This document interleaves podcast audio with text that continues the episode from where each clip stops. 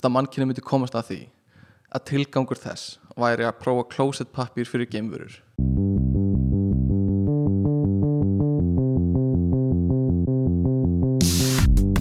Halló er eitthvað að frétta. Já það er ekkert að frétta. Já það er ekkert að frétta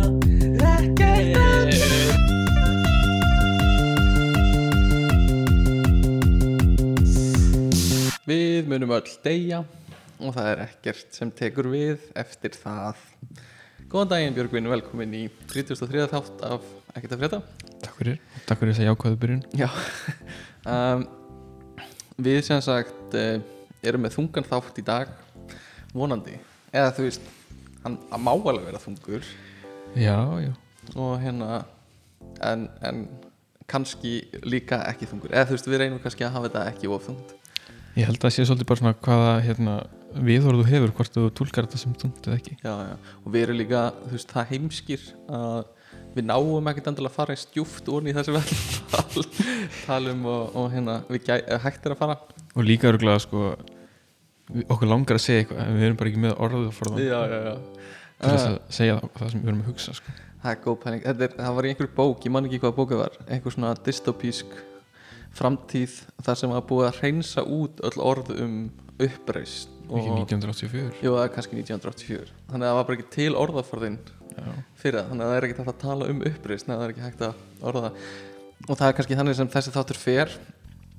Um, En við ætlum ekki alveg að byrja þar. Þannig ætlum við aðeins að byrja á, á öðru Og hérna svo, svona, mjögum okkur hægt og rólega inn í e, dauðan og hérna og lífið. Og lífið og, og tilgangsleysið og tilgangin hérna þú ert að læra gítar. Ég er, að, ég er í sjálfsnámi. Já. þú ert uh, hérna þokkilega fær saxofónleikari. Myndur þú segja það? hvernig myndur þú reyta sjálfa þig sem saxofónleikara? uh, 5 af 7 5 af 7 ok, það er einhver prósent það er eitthvað yfir 80% sem saxofónleikari um, og uh, þú ert hérna jafnvel að pæli að fara í listaháskóla næsta haust já, það er, já, er bara meira um pæling sko. Já, mér finnst það mjög fyndi mér finnst mjög fyndi hvað það sagði mér um hérna er einhver, fjöl, einhver, einhver maður sem var að, að kenna þér einhvern tímann og já, bara kennarinn minn í, í hérna, tónlistaskóla tónlistaskólanum hérna. og þú varst eitthvað að tala við hann um þessa pælingu var það ekki? Jú, ég, ég nefndi það við hann að ég var eitthvað sem að sækja um við listaháskólanum hérna á Íslandi í haust. Og ég spurði hann þú veist, heldur að ég komist inn? Held, eh, þú veist, hvað er svo mikið þyrfti ég, eða hvað þarf ég að gera til að komast inn? Já, og hann sagði bara veistu Björgvin þeir eru fávitar. Eða þeir, þeir hleypa þér ekki inn. Já. Það er minnst það einstaklega vel á það og hérna e, heldur þú sérst að fara að díla við fullt af einhverjum svona listatýpum Pottið, en ég held samt sko það gæti verið færri listatýpur eða svona ekki jafn stórar listatýpur í svona hljóðfæranámi eins og er kannski að þú ferði í myndlistarnám eða Já. eitthvað svona gjörninga eða eitthvað svolítið Nú ertu, þú veist, við erum svolítið sjóaðir sko svona raungreina menn, verkfræðingar Mhm. verkfræði menn mm -hmm. um, er ekki svolítið spennandi að fara svolítið út í alltaf rátt fara í lista stefnuna Jú, það er það alveg. Og ég meina einhvern veginn þú veist ég er búin að læra hljóðfæri í mörg ár. Já. og lífið hefur einhvern veginn alltaf verið þannig að öðrum meginn ertu með bara vísindin. Já, bara 1 plus 1 Já, og hinum minn ertu með tónlist sem er einhvern veginn bara allt, allt Já. annað. 1 plus ást er sam og eitthvað. Nákvæmlega. Ertu þú að fara í Já, listaháskólan? ég er, ég er uh, að semja ljóð. Ég er að fara í ljóðu ná, nei. Uh, já, mér finnst það ógæslega spennandi. Ég held að það getur verið ógæslega gaman. Ég hef reyndar heyrt um eða, frá einu manni um hérna tónsmíðabrautina Já. að hún sé svolítið bara svona bara eitthvað. Bara svolítið eitthvað. Sem að nútíma tónlist er svolítið svona Já. nútíma klassík sko. algjörlega. En hvað, þú veist, hvað er, það, hvað er maður að læra í, þú veist, listaháskólanum í, í tónlistanámi? Um, þú veist, ég held, þú sagði mér ekki sem að þú þetta er mest bara spil. Já, st stærsti hlutin af þessu er náttúrulega bara að það að æfa sig á sitt hljóðfæri. Já. en þetta er alveg þryggjára BA nám. Eða mús. BMUS held ég að það heiti. Þú ert hérna Tom og ég, já, mus, mús. Næs mm, Ég veit ekki, þetta er, þetta er ekki alveg þetta tenging. Uh, Þú ert semast uh, mús og ég er köttur.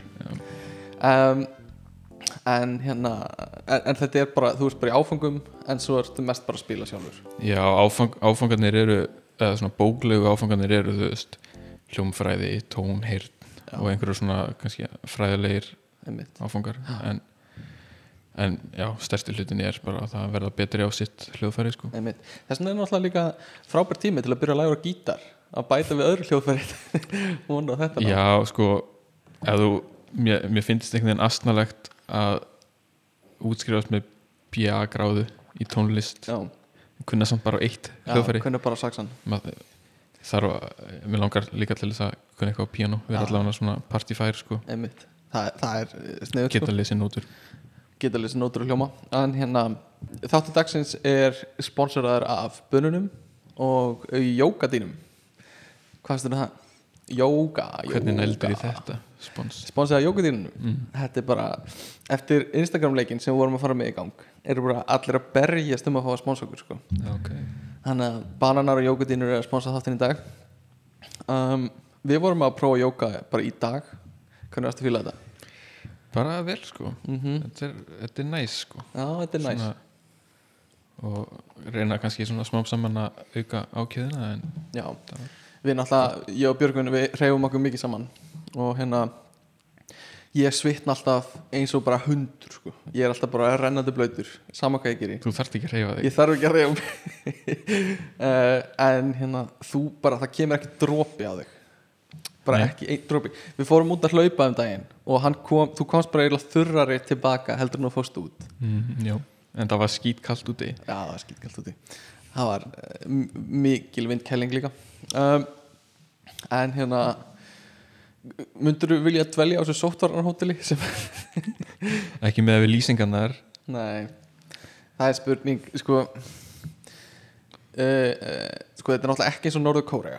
Við skulum byrja því. augljóslega ekki. Augljóslega ekki. Og það er svolítið ykt að byrja líka þessu saman. Um, Er þetta samt ekki þess virði? Eða fyrir samfélagið? Já, Jú, örgulega, en það er spurning hva, hvað er mikilvægra þú veist, Mhm. einhvern veginn eh, vörn samfélagsins akkvart veirunni eða frelsi einstaklingsins? það er náttúrulega samt sem áður einhver frelsesifting hvort sem er í bara að fara í sjálfkjöp eða þú veist í sótkvæð heimahæður já, já, algjörlega. Um, sko ég hef hvorki vit nýja sterkar skoðanir á þessu. Uh, ég er bara fegin að ég þarf ekki að taka neinar ákvörðanir um uh, sóttvarnir Íslands. En þú veist ég skil alveg fólk sem er hrætt um frelsi einstaklingsins Mhm. sem, sem er að tala um þetta og þetta getur verið svona slipur í slóp en á sama tíma veist þetta er að virka vel annar staðar eins og í Mhm. nýja sjálfandi veist, þar eru bara allt lokað skilur eh, að landamærin en allt opið inni skilur þannig að veist að, að því leiti finnst mér þetta sniðugt og ég er hlindur þessu En eru þar svona sóttarnar hótel? já, og þú borgar bara alveg sjálfur sko. við erum að gera þetta, veist, meira þess að öðruvísi þannig að við, þetta er frekar ódýrt hjá okkur sko. Mm -hmm. En þar þarf það að vera í tvær vikur á hóteli sem borgar allt sjálfur. Mhm. þannig að það kostar, veist, 200 skall eða eitthvað, ég veit ekki nákvæmlega töluna. Einmitt. uh, og gengur bara vel svona eiginlega Mhm. held ég. Um, hann að ég stiði þetta að því leiti en ég skil líka alveg hitt sko, hinn pólinn um, Mhm. en vil ekki vera gæn sem er að sem er að taka ákvarðanir um það sko Nei, þetta er ekki öfundsverð staða Nei. uh, Ertu búin að taka þátt í Instagram leiknum okkar? Nei, ég, er ég gjaldgengur? Nei, sennilega ekki en þú mátt samt alveg nötsa íta vinnuðinum til að taka þátt um, hvernig verður dreigð? Það verður dreigð 7. mars. Ég var að hugsa um að taka sko Það verður sannlega búið að draga þegar þessi þáttur er byrtur En ég var að hugsa um að, að hérna, taka stream á Twitch þar sem ég er að forrita hérna random Mm. generatorinn sem dregur út Og á hann að taka inn þá hversu oft einhver eru búin að taka þátt Já, svoleiðis Já, reyna að taka bara allt með reikningin og svo enda ég á að draga út örgulega með eitthvað svona dramatískum theaterísingum Mhm. um, en hérna, mér finnst mjög fyndið í þessum leik er að hérna, veist, það eru svona vinahópar vinahópar sem ég er í sem eru langmest að taka þátt í þessu. Mm og þeir eru allir bara að taka sjálfa sig. Eða þú veist, það er ekkert fara út fyrir vinhópin þannig er þetta, þú veist segjum að Jón takki Magga. Og Maggi taka svo bara Jón tilbaka. Sem, sem er bara það sem þú gast búist við. Já, sem er bara 100% það sem ég gæti búist við. Uh, en ég vil bara þakka öllum sem taka þátt. Ég er bara mjög þakkláttur, það er mjög gaman að hérna sjá einhverja uh, taka þátt það er einstaklega gaman að sjá fólk setja þetta í story. Mm og markmiði er markmiði með þessu er að fá einn hlustanda sem, ein, sem hefur engin tengslu okkur. -hmm. þannig að bara, bara ég, ef ég einhvern heldur það sé einhver þannig Mm. hlustandi núna? Ekki, nei, ég held ekki sko.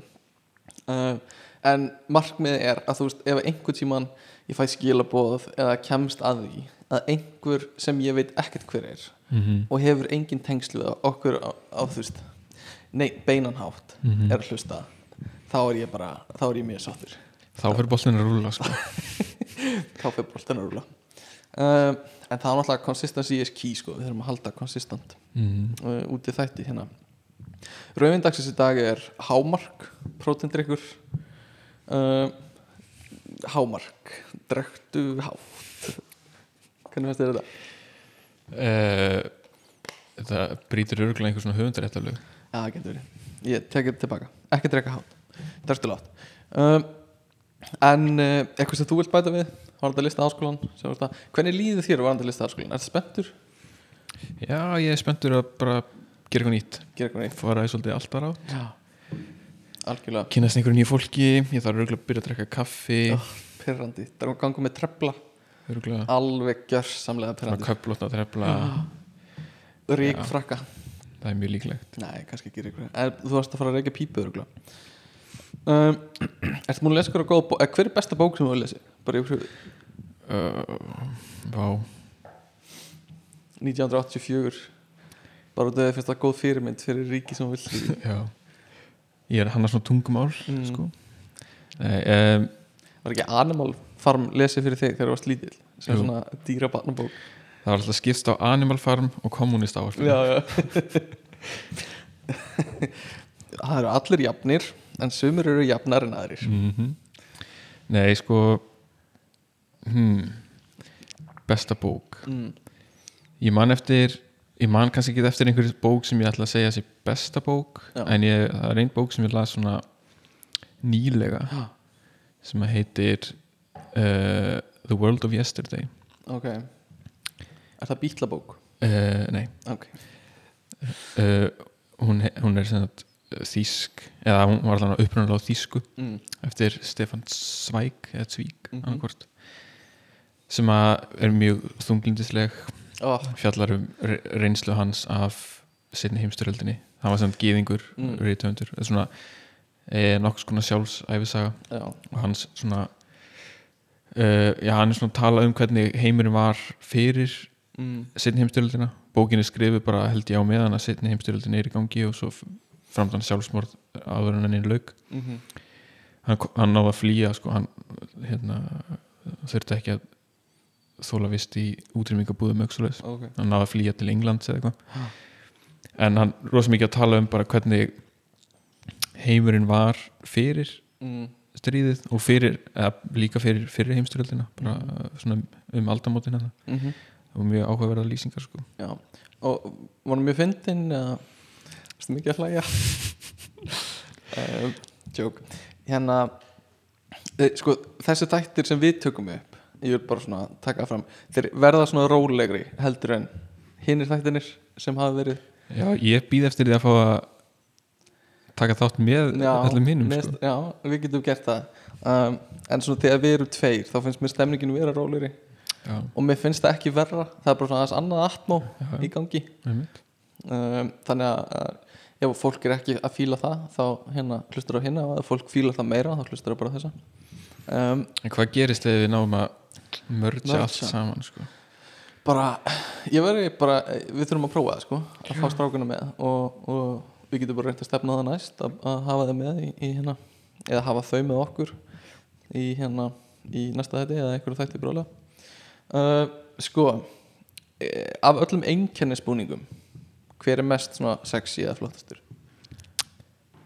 Um, Þetta er að velja einn? Einkennisbúningur Er það Securitas? Nei, ég ætla að segja hérna Lúðrasett verkalýsins veit ekki Veit ekki svona smá hvernig það er. Hún er svona, það verkalýsins Ég held að þetta er svona eins og grænir gamli. Svolítið, þannig. Ok. Já, ég sé hvað að tala um. Mm Þetta eru 100% græni lauruglubúningar Já. með svona gildum röndum. Þetta er svona típiski búin, Svona- búningar. Sækja væntalega fyrirmyndina í, í svona hér mm klænað Hvað finnst þér um hérna, uh, stöðumalu verða, einkennisbúning? Er það eitthvað að kveiki þér? um, Nei. Er það að meina, þú veist, þeir eru bara í úlpum. Með húu? Með húu, ekki gleyma húunni uh, og með náttúrulega partur af einkennisklænaðinum er líka hérna, hérna skrifblokkin sem þeir eru með eða, Eru þeir ekki komin með einhverja tölvu bara? þeir eru með eitthvað svona síma einhverju vél. Mér það ekki eins sexy og það var sko. Nei. þeir eru svona flippuðu upp hérna skrifblokkinu sinni. Uh, er einhver er einhver aðrir einkennisbúningar sem eru mjög töf ef, ef að hlustundur hafa einhver, einhver einkennisklænaði huga sem kveikir í þeim.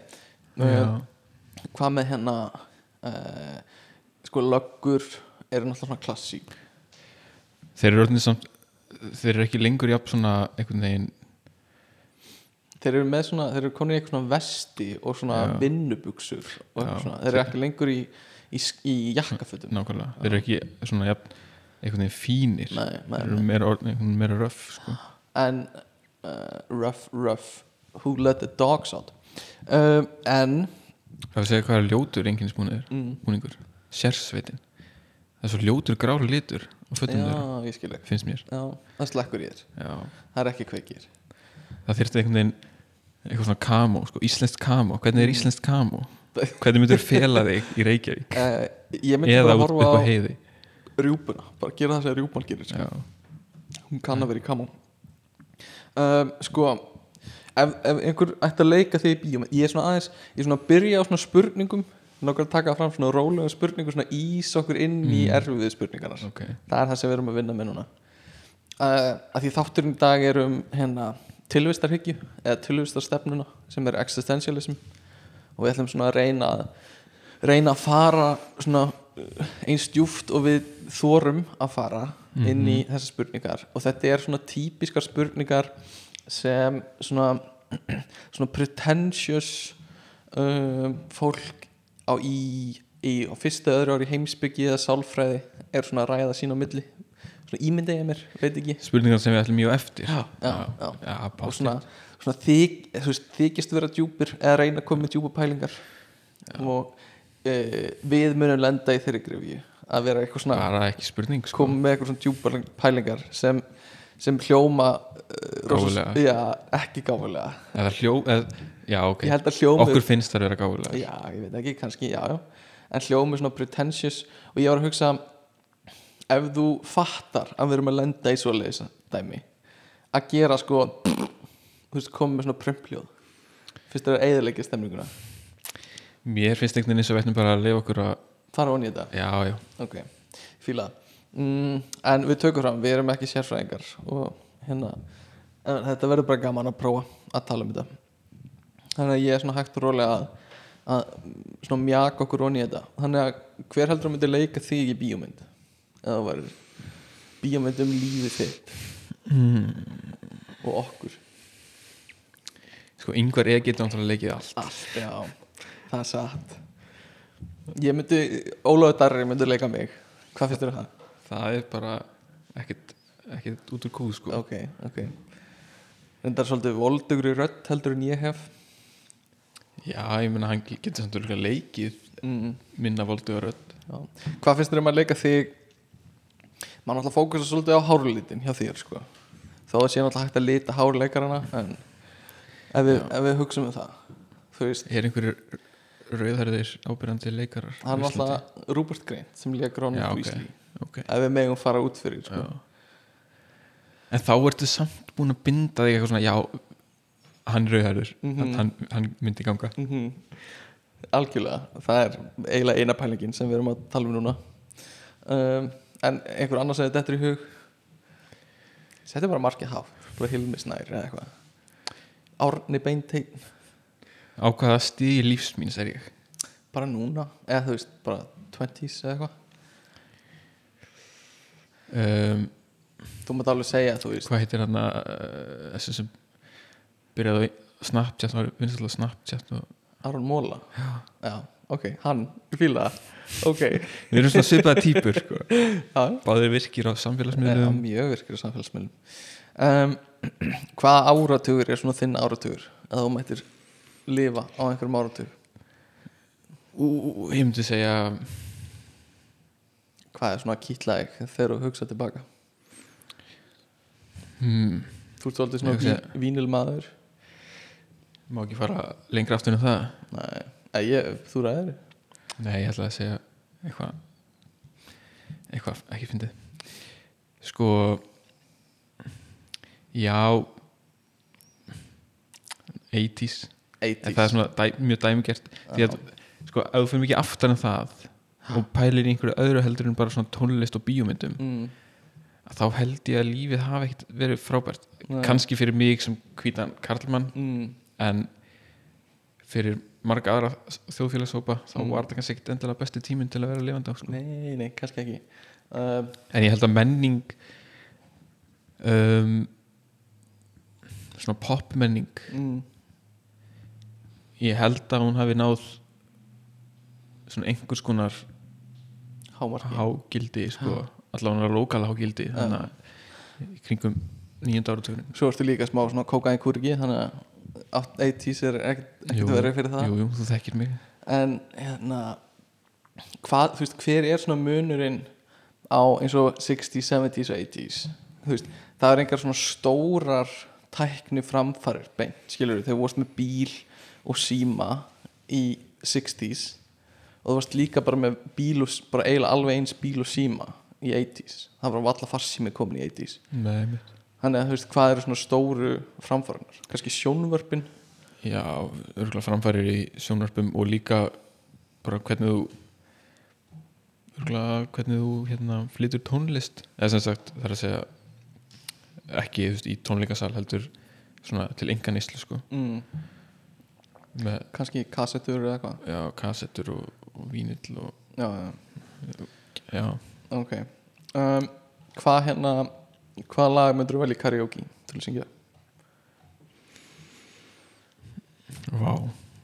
Þú þekkir mig svo vel. Þú myndir aldrei syngja karaoke. Það er ekki sjans ég þyrfti að vera búin með fleiri bjóra heldur en ég hef nokk tíma drukkið. Já.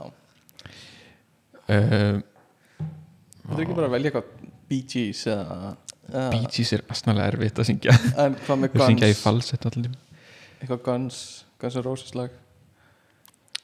Jú, jú. Hann er samt með svo Háa rödd. Uh, Hann er með allan erfiða rödd. Það, veist, Hann er svo, er svo ráma rödd Já. Grófa sko. En kannski hérna Ég myndi örgulega enda á einhverju 80s Já. Það myndi örgulega enda þar. Girls just wanna have fun fíla. Uh, Hver er tilgangur lífsins? Uh, og þetta er eiginlega einfaldari spurning en Já. spurningina vegna þess að það einfaldlega er engin tilgangur. Það er svo leiðis Ertu trúur Eng- því heilsugur? það er engin æðri tilgangur. Tilgangur lífsins er bara eða, veist, neða það er eiginlega engin tilgangur. Mínum, held ég, það er bara þú fjölga þér og Já. lífið fjölga sér býr til eintök af sjálfum sér Mm. Þetta er kannski svona Já, þetta er svona svona helsta spurningin í tilvistarhyggjunni eða existentialismannum já, Veist, af hverju eru við hérna? Mm Sumir vilja meina að við búum til tilgangin sjálf. Já. Veist, það er engin það er engin eiginlegu tilgangur sem er svona meðfættur heldur er það okkar hlutverk að veist, finna tilgangin okkar og, og veist, búa hann til mm finnst það finnst þér það mega sens? Já, þú veist, ég held að maður þurfi að einhvern veginn að hérna gera lífið áhugavert sko. En það er kannski, já en, en ef þú fer svona lengra en bara áhugavert þú veist, tilgangur getur verið eins og kennari hefur svona kannski frekar skýran tilgang, svona einfalt en er það þá tilgangur lífs hans að kenna? Er það tilgangurinn eða er það bara eitthvað sem að ekki endilega, en ég meina hann getur honum, eða henni við ætla að segja, hann sem einstaklingur getur fundist það þú veist, hann getur sett það sem sinn tilgang ef að það er það sem veist, hann fær mest út úr, skilur já, ok. Já. ég get alveg samþykkt það sko. Já, en þér finnst bara engin tilgangur?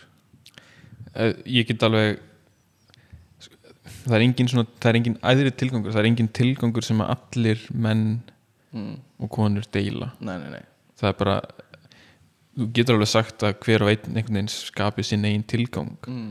en það er þá einhvern veginn meira bara einhvers konar réttlæting á Já. því að þú sért á lífi og því finnst það svona mér, mér heyrist svolítið eins og þú sért að tala um að sé bara svona afsökun einhvern veginn mér finnst eins og þú trúir Ég- ekki beint á það ég held að það sé mikilvægt að gera það Mm. því að ég held að fólk sem að líður eins og það hafa engan tilgang Mm. veist, því líður örugglega umröðlega þannig að en held en tilgangurinn er samt bara svona ákveðin tilbúningur Mm. samt sko myndi það hvernig myndi það skipta því máli ef að þú kæmist að því að við hefðum einhvern veist, stærri tilgang sem manneskjur það væri einhver einn tilgangur fyrir mannkyninu um, það væri bara mjög gott sko ef það er gaglega tilgangur. Ef það er gaglegu tilgangur. Ef það er tilgangur sem að ég sættu mig við sko. Mm.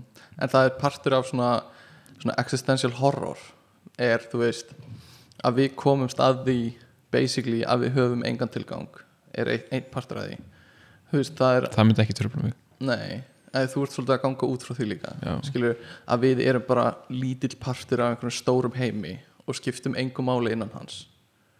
Það er einn partur af því. Mm en mér finnst líka, það er annar partur af því væri líka sko það er svolítið horror í því að veist, finna út úr því að segjum að mannkynni hafi verið búið til -hmm. bara gefum okkur það um, til þess að þú veist um, til þess að uh, vera uh, hérna ég veit ekki auðga jörðina eða, nei ég veit ekki. Ok, segjum bara að mannkynni hafi búið til til þess að fella Amazon frumskóin af einhverjum gemfurum eða eitthvað sluðis eða, Ok. eða eitthvað ennþá ómerkilegra. Skilur við bara mannkynni var fundið upp til þess að hérna uh, uh, til þess að ég veit ekki, prófa að einhver, einhverja geimverur gætu sett á markað nýjan closet papírstegund og vildi fá tilraunadýr til að finna út hvernig Pampers closet papírinn virkar á,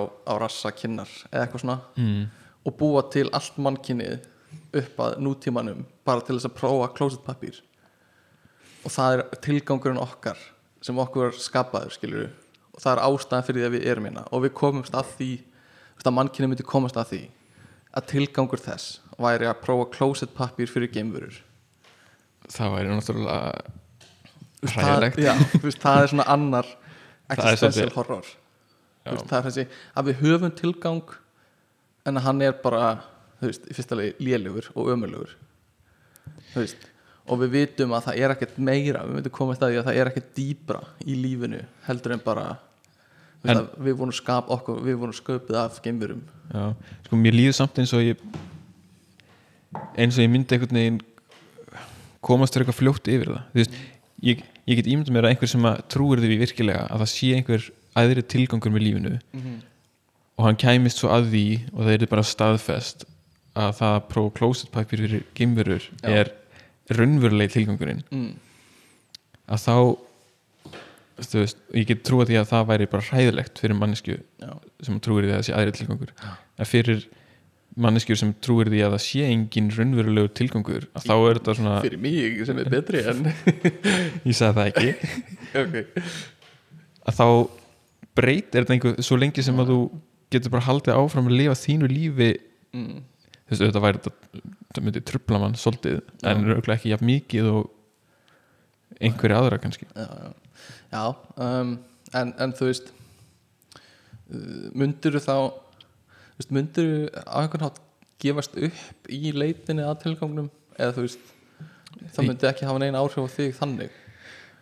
Ég held að ég sé ekki að leita að einum tilgangi. Þú veist, ég, vei, ég, ég, ég er kannski að leita að einhverju sem að einhvern veginn mm, gerir lífið skemmtilegt. Já, og ég held að það hvort að einhver, einhver geimverða sé að nota mig mm, til að prófa closet pappír á meðan ég er að gera eitthvað skemmtilegt. Já, því að mér mun ennþá finnast hluti skemmtilegir og áhugaverðir já, sem að áðurinn í uh, sömur hlutir í rauninni og áðurinn í komst að því að ég er hérna í rauninni bara til að prófa closet pappír.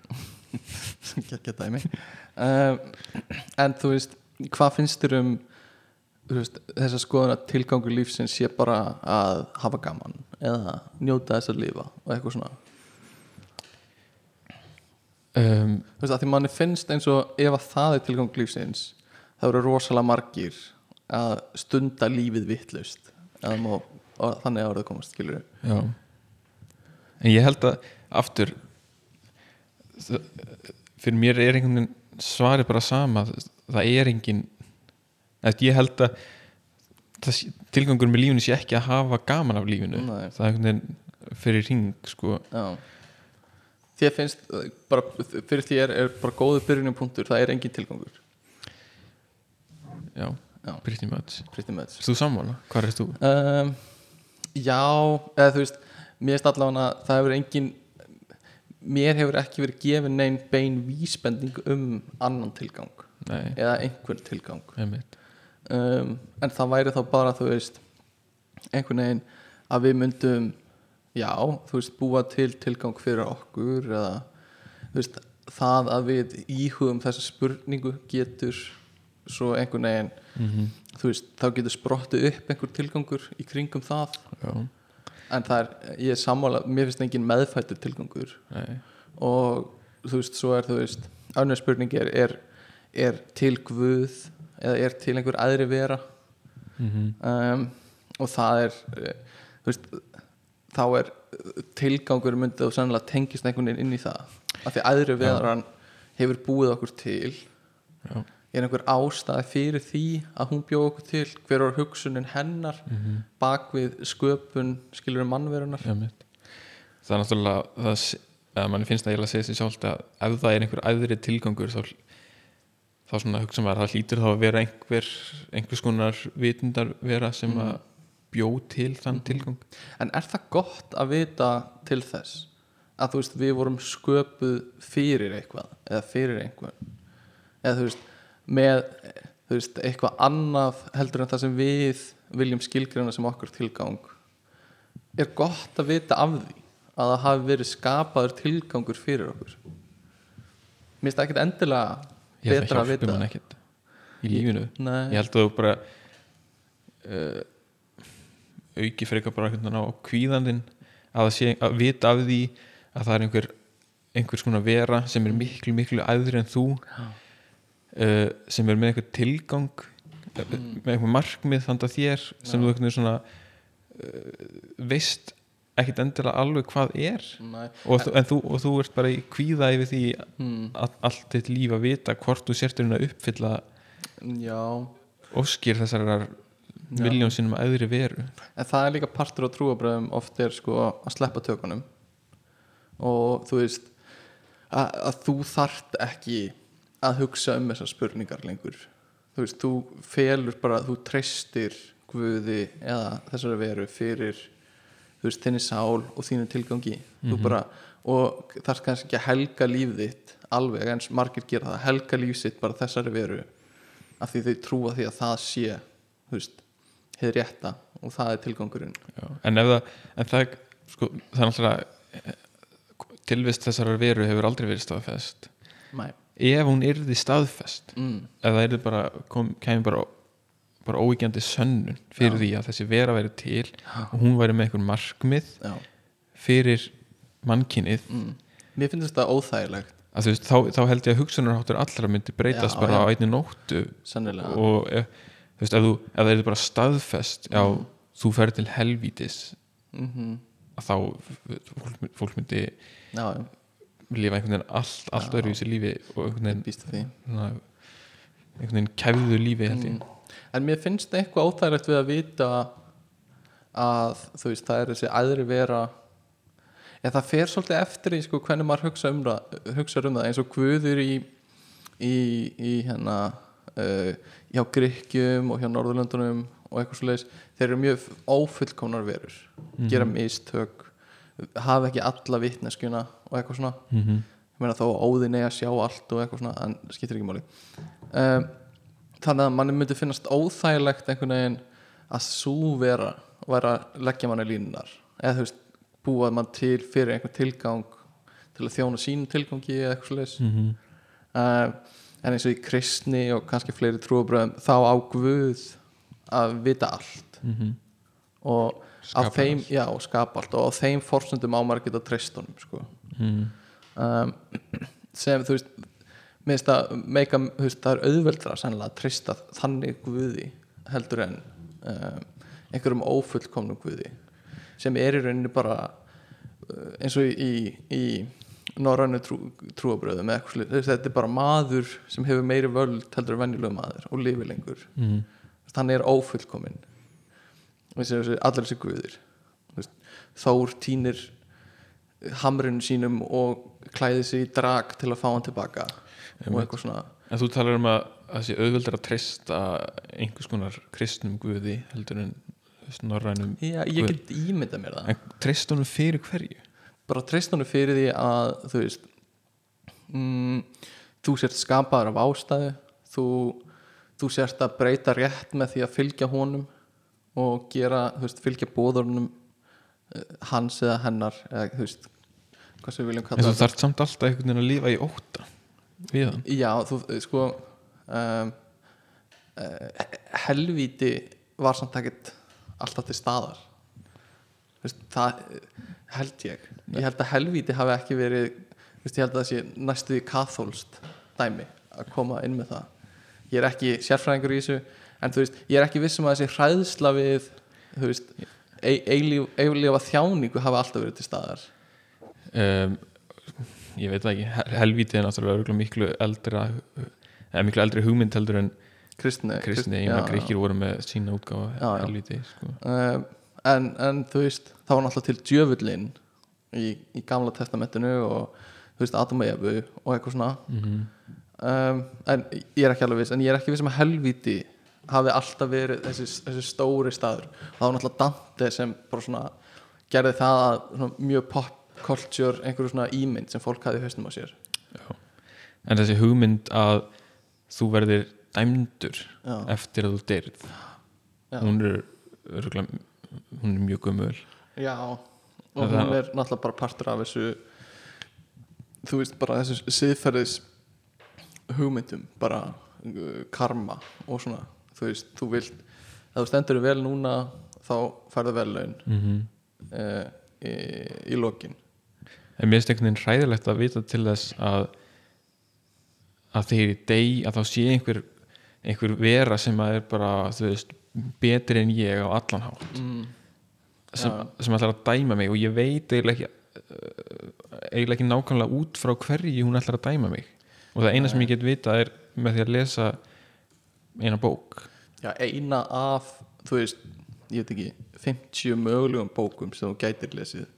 Þú veist, hva, hvað þú verður að velja líka réttu trúabröðin Mhm. til þess að til þess að þú sérst að breyta rétt sko. og líka bara rétta versjónið af biblíunni fyrir hvert trúabröð bara þú mátt ekki lesa Guðbrandsbiblíuna, þú verður að lesa ég veit ekki, biblíuna sem var gefin út af Lúð nei, hérna, já, hana Lúður trúar fólkinu, eða eitthvað.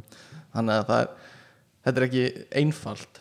Ef, ef þú ætlar að vera svona bókstafstrúar skilur en svo er líka bara til þessi svona þú veist ég man ekki hvað heitir, agnostik eða eitthvað sem trúir á aðra afl eða, eða hérna hérna þú veist getur e, sætt sér við að það er líklega til eitthvað aðra en það sjálft Mhm.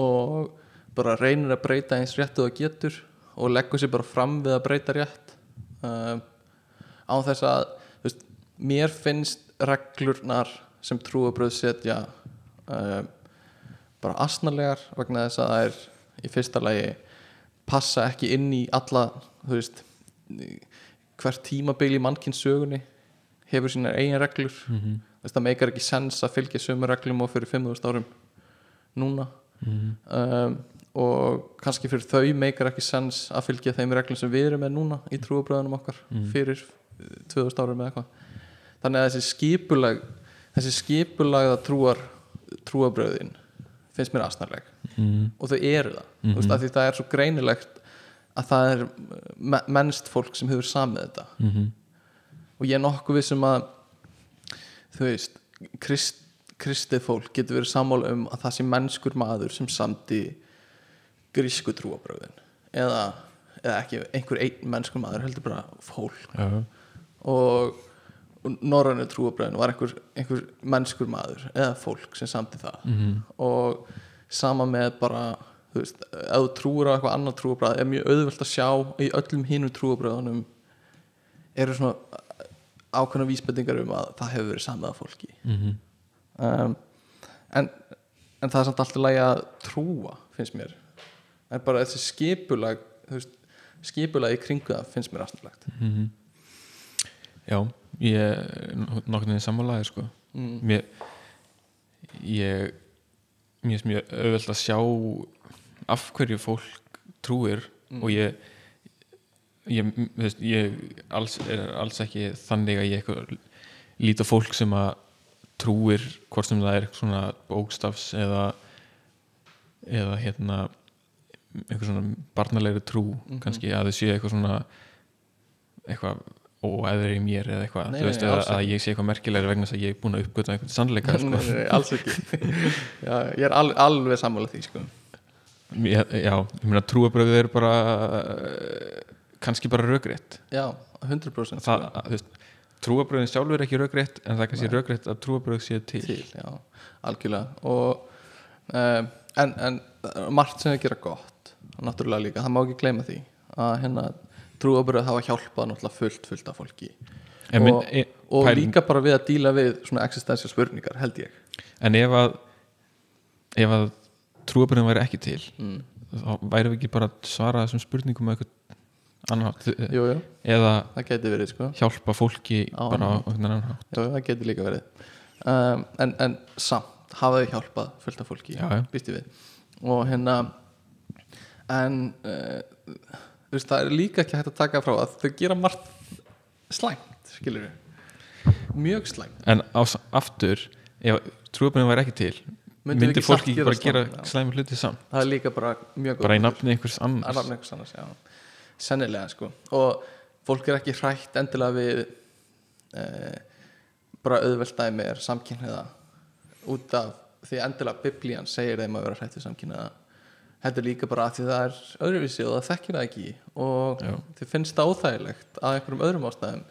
Bara að fáfræði Já. og, og bara uh, ég held að sé bara það er örgulega bara erfðafræðilega hefur það verið hagkvæmt í sögu mannkynsins mm, að vera var um sig þegar einhver sem er öðruvísi en Öðruvísi. þú kemur og ætlar að vera hluti af þínu samfélagi gæti verið sko um, þannig að, að hérna uh, þá að trúabröð væri ekki til væri heimurinn ekkert endilega mikið betri en ekkert endilega mikið verið heldur sko. nei, örgulega ekki mm, en sko ef við færum okkur yfir í pælingar eins og af hverju er ég til en ekki einhver önnur manneskja sem þú veist gæti hafa fæðst út frá þú veist alltaf við vitum hvernig manneskjur verða til bara sæðu Mhm. og ekkfrema mm -hmm. basically uh, en af hverju varð ég til út úr því Þú veist, hver eru líkunar á því að manneskjan sem ég er hafi mótast og af hverju var ég ekki til fyrir þúsund árum hverju var ég til núna Mhm. uh, og það er náttúrulega það er erfitt að svara. Jó, já veist, það er ekkert endilega svar svarið við þessu er bara ég veit ekki tilviljun eða þú veist það þurfti einhver að verða til og þess vegna varst þú til Já, það er ég bara málið en spurningin er kannski held, ekki bara raunni hver er ég mm. og af hverju er ég heldur hvað er ég Já. hvað er identity hvað er Já. að vera manneskja Mm. Alltaf fyrst, fyrst og svona kannski auðveldast að sjá er líka minn sko mm það er þú það er þetta fí, fysiska fórum en þú getur mist hendi en er, þú er samt þú en þá Já. en þá fyrir við sko í þessar pælingu sem við vorum að tala um hann í síðast þætti sem ég var í Mm. þannig að þegar vorum að pæla í þú veist, ef þú tekur heilan úr mannesku og setur í annan líkama og svo tekur heila, svo skiptur hún heilanum í tvent og setur í tvo mismunandi líkama. Mhm. þú veist, hver er raunverulega þessi þú sem var áður? Erst þú orðin tvær manneskur þetta algjörlega. Um, þannig að það, það tengist allt við, í þetta sko. Um, en mér finnst áhugaverð svona hugsun þú veist uh, já af hverju af, já, af hverju er ég ég en ekki einhver annar? Eða þú veist mm -hmm. af hverju er ég ekki bróður minn? Þú veist og, og líka bara svona þú veist þú, þú býr til barn eða þú veist, mamma og pappi búið til barn. Og þú veist, barnið hérna uh, bað ekki um að fá að verða til.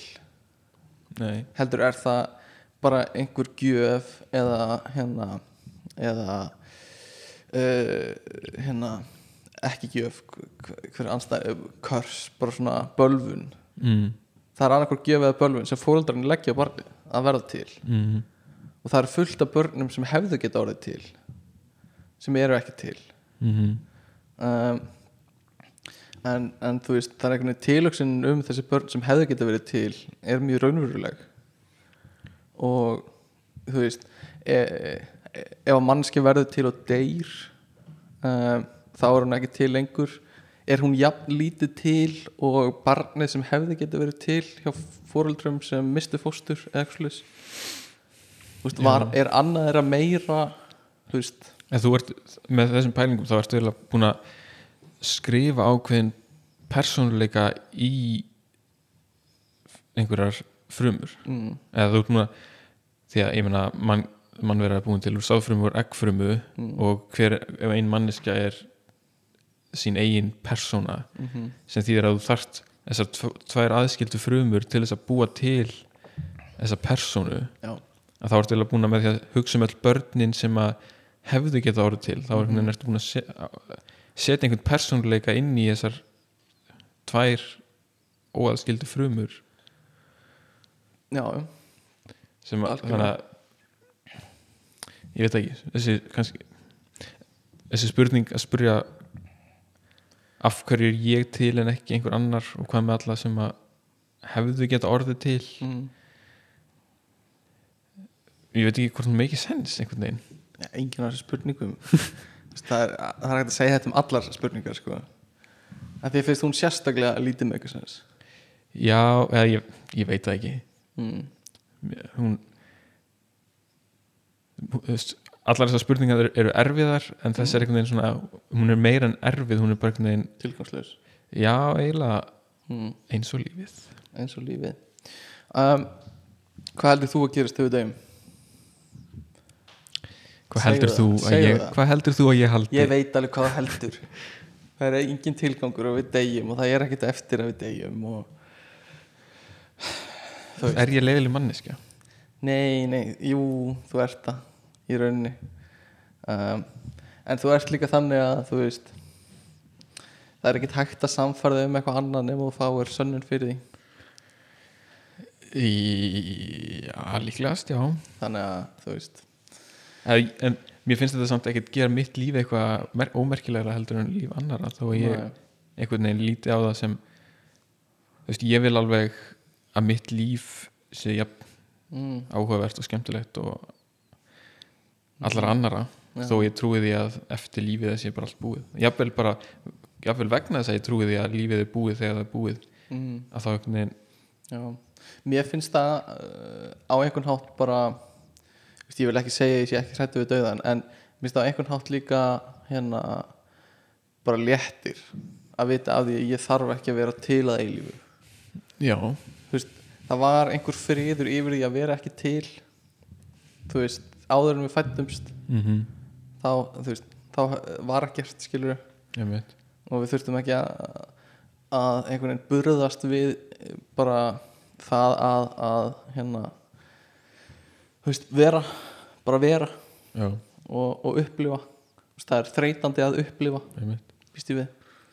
Þannig að hérna, það er bara líka ákveðið frelsi í því að vita að við þurfum ekki að eyða allri eilífð. Mhm, og sko bara eilífð í að upplifa. Mhm, það er ákveðin svona léttir yfir því að vita að á einhverju tímapunkti getum við kvílt okkur og þurfum ekki að upplifa lengur. En það gæti líka alveg verið að tilvist eftir dauðan svo tilvist yrði líklega allt, allt öðruvísi heldur en þessi tilvist sem er hér. Já, já. hún er, er rosa margir ok, so- sorry ég sé grípa svona fyrir þér en rosa mörg trúabrögð gera það upp eins og það sé ekkert endilega þannig. Eins og þú farið bara á einhvern annan stað og sérst bara þú í þínu líkama Já, þar. með bara 17 hreinar megar eða eitthvað. Og bara þú vilt allt sem þú vilt núna og Einmitt. þú upplifir allt eins og þú upplifir núna já, nema bara í himnaríki mhm. á einhverju skíi eða eitthvað blað. Það mögulega gæti tilvistin eftir þessa tilvist verið þannig að þú getur bara tekið þér pásu frá tilvist. Mm. þú segir bara, að, ok, ég að taka mig bara pásu í 200 ár og ekki upplifa neitt í 200 ár. Og svo bara, Koma basically, þú fer að sofa í 200 ár Já, og svo bara, ég til ég að gera eitthvað núna. Já. Mm en, já, þá myndi kannski einhverju veli bara að ég ætla að taka pásu að eilífu. Alveg bátt og það er eitt hérna það er svona ein pæling í, í þáttanum Good Place sem eru góða þættir sko. Mm. þeir eru hérna, það eru grín þættir sem fjalla um uh, hvað gerist eftir döðan. Mm. og þá skiptist það í svona good place og bad place. Þú veist, þau segja ekki, heim er ekki helviti, helviti beint. En á endanum, ég veit ekki hvort ég vil á ég að eðalega það? Ég, Má ég spoila? ekki, ég er ekki fara að horfa á þetta sko, en, það eru góða pælingar en þú veist, þá basically færðu á endanum að velja að þegar þú ert búin að lifa og upplifa allt sem þú vilt upplifa hvað, hvað sem það tekur langan tíma þá færðu að velja að bara move on mm. og þú veist svo fá ekki að vita hvað gerist eftir það en Mhm. maður býst við að þá bara þú veist kemst þú aftur í það stand sem þú varst fyrir fæðinguna þína já sem er svona uh, fallegt að einhverju leiti mm. um, en uh, pæling mm, ok, ok, ok, hvern, Björgun er að munda sko að Nei, ég- svipin á það er sér. að, þetta mun hljóma eins og ég sé að hugsa um að fara að drepa þig. Ok, nice. Maður er ekki fyrsta sinn en allt í góðum þú veist, hvernig mi- þú getur ekki sagt þetta. Hvernig myndi hvernig myndi þið lítast á? Mm, að fara að sofa og vakna aldrei aftur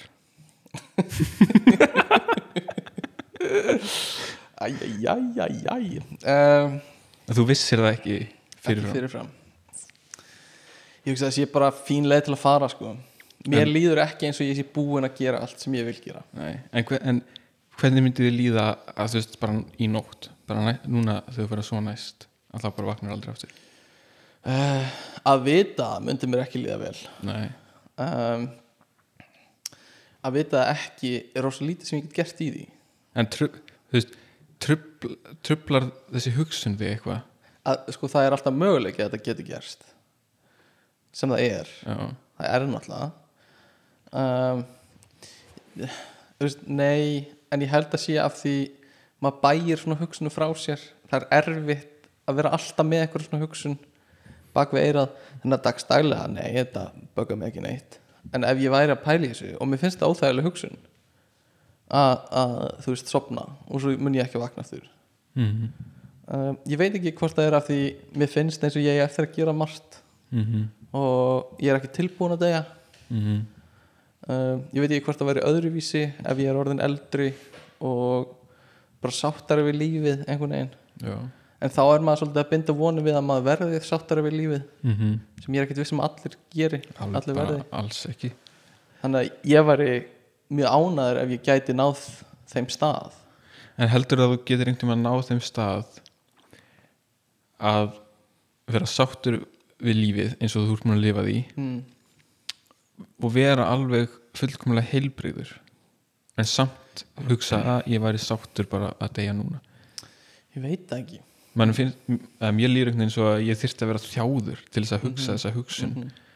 já, að því mann finnst þess að sé alltaf eitthvað eftir ef maður er heilbriður Já, ég veit það ekki, þetta er þetta er óþægileg hugsun sko. Ég vil vona það að gæti komið tími en ég sé ekkert endilega fram á það sko. Uh, og, og óþægileg hugsun finnst mér líka sko að deyja ungur. Minnst það leðilegt Mist það leðilegt, Þú veist- svolítið leðilegt það er svolítið leðilegt af því, af því ég er ekki tilbúin að deyja núna. Nei og mér langar að upplifa meira og gera meira. Mm og hérna, þú veist, mér langar að upplifa eignast fjölskyldu og mér langar að upplifa að þú veist, ferðast og standa mig vel í vinnunni og standa mig vel í ákvæðamálunum mínum og, og meira, skilur og eigða meira tíma við vinnum mínum. Þannig að mér myndi finnast leðilegt að deyja ungur sko. Um, ef ég dey ungur þá get ég sætt mig við það.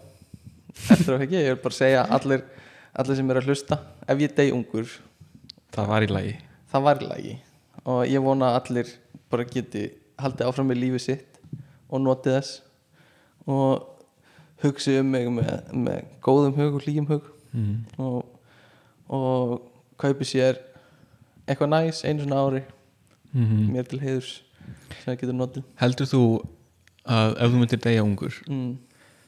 og fólk hugsar sem að uh, ættingjar og vinir Mm. hugsa hann var svo ungur hann átti eftir að upplifa svo margt framtíðana fyrir sér Já. heldur að það sé raunverulega að einhvern veginn að vorkina þér mm. eða heldur að það sé einhvern veginn að þú veist vorkina sjálfu sér að fá ekki að sjá þig Mm. þroskast og Þarna, upplifa allt sem að ég held sér bæði sko. Ég held að sé fyrsta hugsun er að vorkina mér sem er að deyja. Mm. um, og fyrsta hugsun er bara ætli hann hafi veist, þjáðust áður en að dó hvernig ætli hann hafi líðið, liðið áður en að dó var hann kvíðin fyrir því að deyja? Um, og þú veist bara greið hann að hafa þurft að deyja skilur, að þurft að gangi gegnum þetta. Ég hugsa að það sé svona fyrsta. Um, og svo hugsun eftir því er og ég fæ aldrei að upplifa þetta með honum Mm. og í gegnum hann og þú veist allt sem hann hefði geta gert og þú veist, allt sem börnin hans hefði geta gert eða þú veist vinnir hans hefði geta upplifað með honum eða eitthvað svona, einmitt. það er hugsun númer tvö sko. Mm. já, einmitt ég held að allavega ímyndi ég mér að það sé mín, minn þangagangur í gegnum þetta sko. um, þannig að ef ég dey uh, spilið eitthvað skemmtilegt í jarðaförinu minni og uh, Ég var að plana jarðaförina þína? Núna? Já, gerum það. Uh, Og hérna Ég vil að gummi fá að velja lag í jarðaförðinu minni. Ég vil ekki fá að syngja lag. Já, já það er ekkert villist Og uh, ég vona að allir geti bara haldið áfram með lífið sitt. Um, Þannig að hérna uh, Ef að klára þessa pælingu Ef að segja hún sé búin Já, Þessi dauða pælingar. Mér langar að tala um hérna uh, það sem heitir determinism. Hefur heyrt um það? Já, um, Ég veit ekki hvað þetta er íslensku Þetta er einhver svona bara hugmyndin um að, saman hvað gerir Jó, æ, það er eitthvað út á íslensku og ég hef heyrt það, ég man, manna bara ekki svipin þú ert að googla það sennilega. Mhm. að hérna þú veist, það er bara uh, í rauninni eitt sem er við vitum um heiminn, það er bara orsöku aflegging þú veist, ég er ekki að fara að lýsa þessu uh, rétt á, á fræðilega réttarhátt, ég er að fara að lýsa þessu eins og ég hugsa þetta. Já, þannig að þetta er kannski ekki rétt að skilgjörningin á determinism en allavega mín pæling er með, með þessu er þú veist um, þú veist, ef þú ítir glasi fram á borði þá dettur glasið og brotnar basically, skilur mm. og þú veist, það brotnar af því þú ítir í fram á borðinu. Mm það er ástæðan fyrir því. Eitt, veist, þetta leiðir til þess. Og þú veist, það er hægt að útvíka þetta alveg. Bara fyrir allt, skilur við Mhm. bara, þú veist basically í grunninn, þú veist, miklu kvellur ef við fylgjum því lengra þú veist, þá myndast einhverjar einhver, einhver ský af einhverjum eindum sem þjættast það myndast sólkerfi uh, það myndast vetrabrautir bla bla bla, þú veist, reikistjörnur sólkerfi uh, og jörðin og þú veist, það er bara fyrir ekki endilega tilviljun heldur bara fyrir uh, uppröðun bara atóma og efna þá þú veist, verður jörðin til og það er ekki tilviljun heldur bara af því að eind, þú veist, frumyndir og samyndir virka eins og það virka og eðlisfræðan virkar eins og það virkar þú veist, þá verður til vatn og það verður til líf ekki af einhverjum, þú veist fyrir einhver stillstilli einhver skvöðus heldur bara út af því að uh, bara eðlisfræðin og heimurinn virkar þannig að með þú veist, tilstilli ákveðna skilir það þá getur þetta þú veist, getur orðið til líf. Mm og þú veist lengra þá bara veist líf hegða sér á ákveðin hátt af því veist heilin innur heldur einhver samyndir sem segja er að gera eitthvað ákveði -hmm. þú veist það er ekkert, er annað sem þú getur gert af því veist er bara búin til samyndum og hann taugafrumunar bara taka ákvarðanir út frá frumeindunum sínum skilur ekki út frá því að við erum að velja eitthvað Mhm. þannig að, að hérna það, það er svona smá að það er ekki til frjálsvilji en það líka, það skiptir ekki máli Mhm.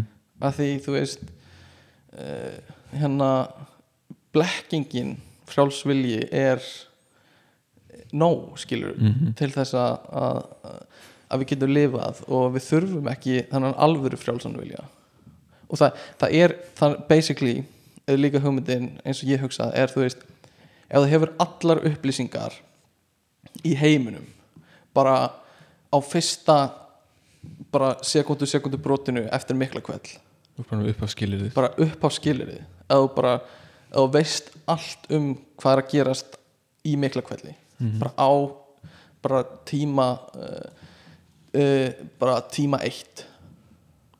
Þá getur við vitað allt sem mun gerast í heiminum. Mm. af því þú veist þú gætir keirt simulation út frá þessu Mm. og vita nákvæmlega hvernig það mun fara trú, trúir þessu sem er búin að segja? Uh, þú veist ég þekki ekki eðlisfræðina nógu vel til þess að geta sagt að veist, nei, það, það er, þetta er ástæða fyrir að þetta meikir ekki sens mm í mínum huga er engin ástæða fyrir að þetta sé ekki svona.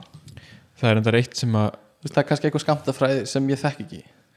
Já, það er kannski helst einhverja þannig pælingar sem getur komið inn í þetta. Mm. ekki það að það er endilega hreki allt sem að þetta er Nei. sem við erum að segja. En því að eins og þú talaður um að þú gætir hugsað þetta sem þú- ef þú vissir all upp af skilurðin mm -hmm. bara á tíma 10.0 já, að þá gætir þú gert þetta simulation. Já.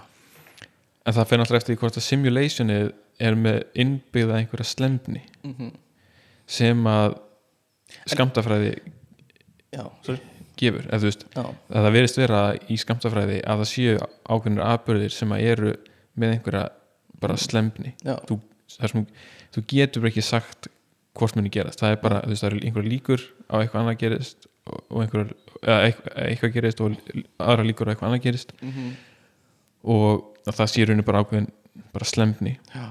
En það er það er mjög fallegt slemni, alvöru slemni mm -hmm. af því allt sem við byggjum slemni á eins og í forrutun er eiginlega gerfislemni þannig að það er ekki hægt að taka mark á því en það er eitthvað fallegt við alvöru random dót. og ef, sko, ef þú hugsar svona determinism eins og ég var að lýsa því áðan þá er ekki til einn slemni Þú veist, þá er það ekki til. Nei. þannig að ef það er til og ef það er raunveruleg slemni þú veist bara random, raunverulegt eitthvað Mhm. sem er ekki hægt að gera ráð fyrir þá er ekki þá er þetta determinism ekki þing skilur Mhm. það er bara frekar skýrt og kannski er einhver vísindi bak við það sem sína fram á það Mhm. uh, og mér myndi finnast það mjög fallegt bara, hug, bara veist, hugsunin að sé til raunveruleg slemni Mhm. um, en svona dagstaglega finnst mér finnst mér uh, finnst mér þetta alveg mega sens þetta, þú veist, eitt liður öðru, öðru dæmi sko. Mhm. bara heila frumuna þínar eru raðaðar upp þannig Mhm. að þú vaknar snýrðir yfir á vinstur hliðina opnar símaðin til að tjekka á klukkunni ferða klóstið að pissa. Þú veist, það er ekkert þú- annað sem gæti komið til greina en, en þið langar samt að gera þetta já, þetta er þín hegðun út af því að frumnaðinnar eru raðar upp á þennan hátt. Já, þannig að þetta er ekki þetta er ekki eins og einhver sé búin að velja þetta fyrir þig eins og Sims karakter Nei, nei, nei. skilur sem klikkar á klósettið og klikkar á ískapin og lætur ekki það. Heldur, þú veist, frumnaðinnar eru raðað þannig. Já, þú hafðir ekkert val. Þú hafðir ekkert val en, en þið líður eins og það já, hafðir val já, sem að skiptir miklu máli. Já, þessi blekking er mjög skiptir mikilvæg. bara öllu máli, skilur við þannig sé ertu með valið basically, í haustum að það er nóg að þið líði eins og já, já, já, það þarft ekki meira. Já, já, 100% en mér finnst að ég væri uh, mjög til í að koma staði að það er til alvöru slemni í heiminum sko. sko, ég held að sko á skamtafræðilegu leveli Mm. að þá er til slembni það er slembni í því hvernig þú veist rafindir og einhverja svona smáar eindir haga sér mm -hmm. á skamtafræðilegu leveli en, það, en þegar þú ert búin að zooma út og ert komin í svona stærri á stærri skala þá einhvern veginn veist, er þessi slembni ekki lengur til staðar en hún kannski en veist, ef, ef það er slembni sem í hverju rafeind þá hlýtur slembnin að vera samt líka í öllu hinu því að allt er búið til úr þessum litlu eindum já, já. en það er spurning sko í, þú veist það kannski betur en ég, ég veit ekki. En þú veist, gætur þú farið lengra þú veist, zoomað meira inn og fundið út að þessi slemni sem við höldum að sé alvöru slemni er það ekki, eða þú veist ég, veit, ég veit ekki. Nei, ég veit það ekki. það er kannski er það ekki alveg en alveg er en það ég held að sé frekar eða veginn mín eðlis ávísun myndi frekar segja mér að við myndum zooma lengra inn og það er ennþá meiri slempni já, en svo ég held að sé meira sko þú veist eh, það getur kannski eins og með bara hluti svona í raunverulega heiminum. Mm. þú veist, veg, bara svona út af þú veist, lögmáli stóra talna, að þá er einhvern veginn þú veist, eins og bara þú tekur þú veist, bo- box með einhverju gastegund Mm uh, og hérna þú veist, hver hvert atóm í gastegundinni gæti verið hvar sem er í rauninni og það er ákveðna líkur á að atómið sé einhvers staðar. Og þú veist það eru, alveg, það, er, það eru endanlegar líkur á að öll atómin sé í öðrum helmingnum á kassanum. En bara út af at, atómin eru svo mörg að þá eru það líkur bara þær eru svo nálægt núli að þú getur eiginlega gert ráð fyrir að þær minni aldrei gerast. En, er, en líkurnar eru samt til staðar en bara vegna þess að atómin eru svo mörg -hmm. að þá bara getur svona eiginlega gert ráð fyrir að það mun ekki gerast. Já, og þá kannski að veist, það, er eitthvað svona, það er eitthvað eitt ástand sem er svo margvalt, margvalt líklegra en öll önnur ástand. Mhm. að þú getur bara gert ráð fyrir að það verði eina ástandið. Já. og það er kannski sama með taugafulmunar í okkur. Það er alveg það, veist, þetta ástand sem að er át í taugafulmunum okkur mm. er lang, lang, lang líka, líklegasta ástandið en það er mögulega til eða það er til eitthvað annað ástand sem myndi skapa einhver aðra niðurstöðu Mm. og það eru kannski einhver líkur það eru líkur að það ástand verði en það mun samt aldrei gerast Nei. þetta eru já, þú veist ég, ég held ég skilji hvað þú ert að segja.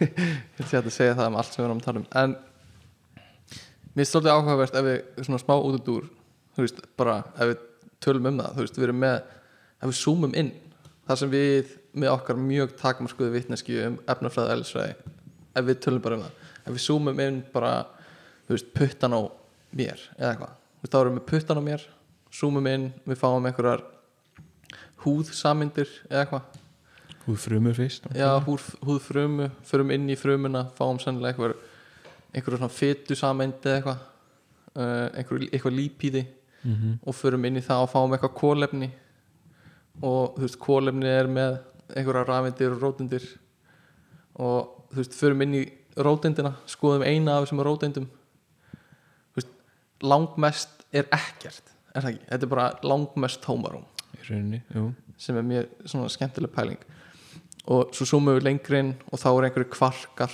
eða eitthvað svona þar sem rótindin er búin til úr mm og svo er fólk að tala um að það séu einhverju strengir skilur við, já, eða þú veist, það er ein, ein, ein kenningin þannig að Ég hva, hvað er hvað eru strengirni búin til úr skilur við já, já.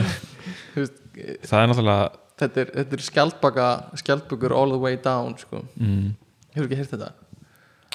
nei, ég veit það ekki Nei, þetta er, hvað er það? það er fílar way down. Þetta er semst pælingin um að heimurinn sé ég veit ekki, flatur eða eitthvað svona og hann sé á skjaldböku sem er á fílum og, og svo spyr einhver já, þú veist, ákverja skjaldbakan og svar er að það er á fíl. Og svo er spurningin ákverja er fíl, fílin og hann er á öðrum fíl. Og svo er eitthvað svona eh, og ákverja sá fíl og þá er svarið, þú veist, það eru fílar all the way down. Mm. Þú veist að segja að það er alltaf eitthvað minna það En það sem þú veist. ég veit ekki, eða þú veist uh, svona intuitionum hans er að það er alltaf hægt að zooma lengri inn. En, en það er ekki hægt endilega skilur við. Hver, hvert erum við komin þegar við erum komin segjum á þessa strengi? Ég veit ekki, strengirnir eru náttúrulega ekki raunverulegir fysískir strengir og kvarkarnir ekki heldur. Nei, en þú veist á hvað erum við komin ég veit það ekki. Við erum komin í eitthvað bara eiginlega bara svona annað type of existence sko, já, í raunni sem er hvað er í gangi? Segðu mér svarið. Þú veist hvað sko, ég hef tekið inngangs áfanga í skamtafræði góður áfangi, uppáhaldsáfengiðin takk fyrir mig Ívan.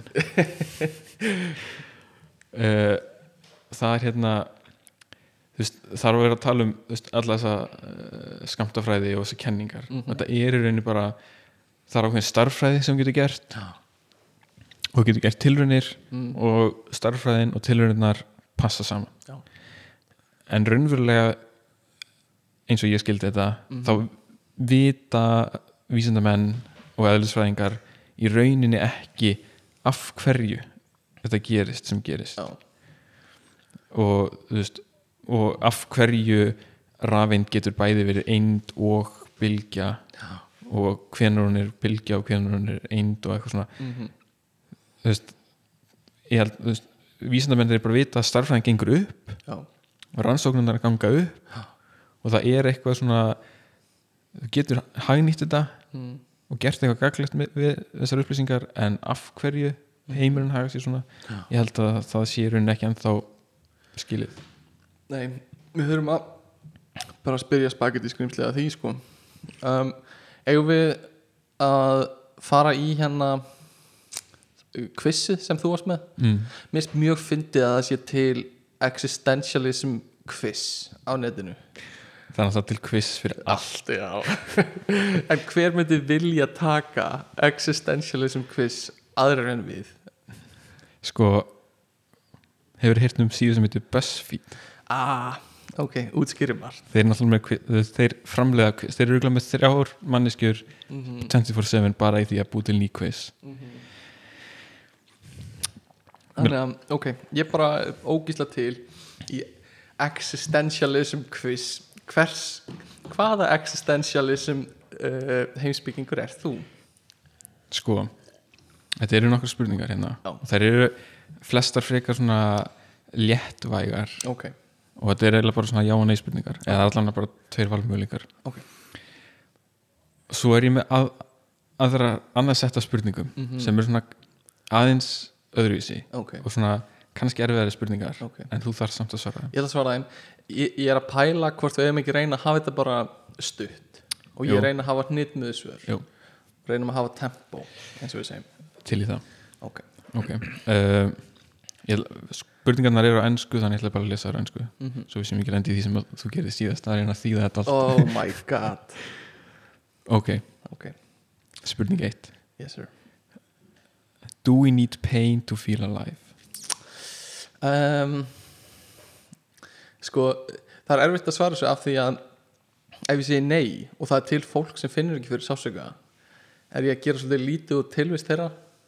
En svona fyrsta instinktum mitt er já, ég trúi því og ég vil ekki missa það að eiga mögulegan á að þjást En það er náttúrulega til aðra þjáningar heldur en bara einhverju líkamlega já, þjáningar já, já. en jú, jú.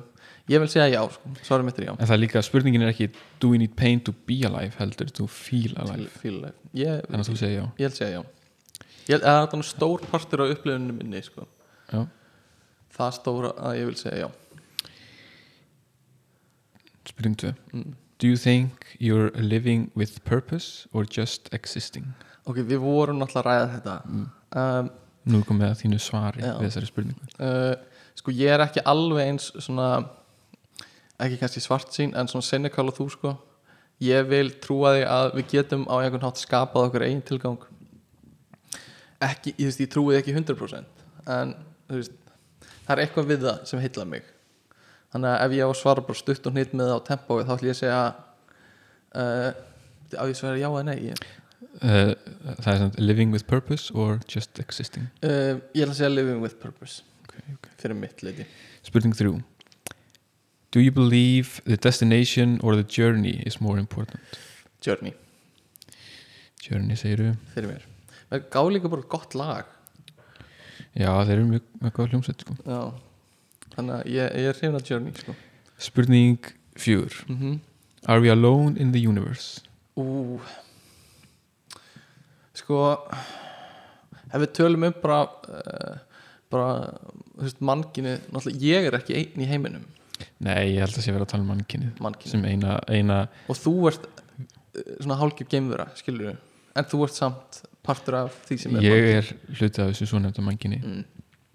um, hvort sem það er gott eða slæmt sko mér finnst svolítið svona pop pop, pop skoðunin popular skoðunin bara í vísinda hjá vísindamönnum í dag er svo að við erum bara að öllum líkindum ekki ein í, í alheiminum og ekki. Mhm, mér finnst það skemmtilegri skoðun mér finnst það áhugaverðari skoðun mhm. svo Uh, fleiri skemmtilegir möguleikar í bóði sko. þó hitt alveg áhugavert líka þú veist það er ekki óáhugaverð pæling að við séum einn en fyrir mitt leiti finnst mér það skemmtilegra og áhugaverðara þannig að ég að segja nei. Nei. við erum ekki einn ok. Do you believe in a greater power than humanity? Ú, þannig erum við komin í sko svolítið trúalegar pælingar já, sko eins og það hefur áhrif á mitt líf dagstaglega og mínar hugsun dagstaglega þá ætla ég að segja nei sko. Ok, um, en ég ætla samt að halda möguleikanum opnum að svo skoðun muni breytast einhvern tíman mm um, en eins og er núna trúi ég því ekki. Um, is what we perceive as everyday life reality or just a construct in our minds? Svo þetta þetta er spurning sem mér finnst skemmtileg mm. og væri alveg til ég að ræða en þetta er líka partur af svona ákveðnum simulation pælingum. Mm uh, uh, þetta er skemmtileg spurning sem ég veit ekki hvað hva ég nenni að tala mikið um. Uh, áttu að vera kvik mér langar að segja sko mér finnst gaman að gæla við þessum þennan möguleika. Mm -hmm. en ef ég á að vera alveg hreinskilinn lesa hann upp aftur þannig að ég veit hvað ég er að orða is what we perceive as everyday life reality or Mm. just a construct in our minds Já. um, or of our minds já. sko ef ég á að vera alveg hreinskilinn held ég að sé reality mm -hmm. uh, en mér finnst mjög gaman að gæla við hinn valmöguleikan Mm -hmm. og hérna það er ekkert óhugsandi fyrir mig að þetta er, bara, þetta er líka svipu pæling og bara er þinn græn sama og minn græn skilur mm -hmm. og bara getum við farið lengra með það? Getum við farið þú veist eh, er ég bara gamall 70 kall sem er að, í einhverju fever dream Mhm. akkur núna? Uh, er raunveruleiki minn þar? Eða þú veist er, er þá alveg raunveruleiki með 70 kall? Eða er sá raunveruleiki þú veist einhver, einhver hérna meditation hjá einhverju geimveru eða eitthvað skilur Mhm. uh, þannig að uh, ég held eins og, eins og staðan er núna að ég lifi í alvöru heiminum Mhm. en mér finnst hitt skemmtilega pælingar og ég myndi ekki mér er bara til að bæta við mm, mér er mjög gaman þessi hugsun sko hvort að þú veist eins og ef þú ert í tölvuleik Já. og þú ert að, þú veist, kannski fyrstu personu tölvuleik, Mhm. þú sérð þú veist bíl fyrir fram að þig já, og svo snýrðu þér við og bíllinn á að vera fyrir aftan þig. Þú veist, er bíllinn fyrir aftan þig? Uh, viltu fá alvöru svarið? Veist, hvert er svarið í tölvuleik? Hann er. Ok, og hver, hversu þú veist en það fer að, það, fer- ok, sorry það það er til lengra svar. Mm, það fer eftir aðferðin sem við verðum að nota. Ok, oft er eh, er renderað ú, ég veit ekki hvernig ég var svör að því oft er renderað ég veit teknilegu skýringuna en það er svona hversu ok, oft er renderað kannski 180 gráður af field of view. Sem sagt, er, allir reikninganir eru gerðir fyrir mm þú veist, þá þú veist, það, þú veist, þann bíl í 180 gráður. Stundum er það gert í 360 gráður. Ok. Í bara ákveðin radius eitthvað svoleiðis. Mm þannig að uh, þú veist, ef þú ert að hreyfa skjáin hratt og eitthvað þá er oft gott að rendera allar hringin ok, en þó að það sé gert mm. það er ekki renderað, þú veist, alla leið. Nei, Þannig að- þannig að segjum að það sé renderað sem nefnir 50 metrum Mhm. eða eitthvað. Það sem er lengra en 50 metrum fram að þig það er, er það til veist, er, er búið að reikna það Nei, það en er þú veist, það er ekki til að því það er bara ekki búið að reikna. Það er bara eins og þú veist að segja, þetta eru bara reikningar sem þarf að framkoma. Einmitt. og þetta eru, þetta eru líka bara uh, reikningar sem eru sendir til hérna uh, skjákortsins og skjákortið framkomi reikningana og sendir svo út á skjáin hvaða pixlar eiga að vera hvernig á litin mm og ef þessi reikningar er ekki framkvæmdir þá byrst þetta ekki á skjánum en það er stundum sem að það eru framkvæmdir reikningar sem eru óþarfi mm. og þeir byrtast ekki á skjánum heldur Já, en ok. reikningarnir sjálfur eru samt framkvæmdir Já. en pælingin er Mm. þetta með töluleikinu var bara svona ákveðin líking. Já. að þú veist eins og sjónarspið sem ég sé fyrir aftan þig Já.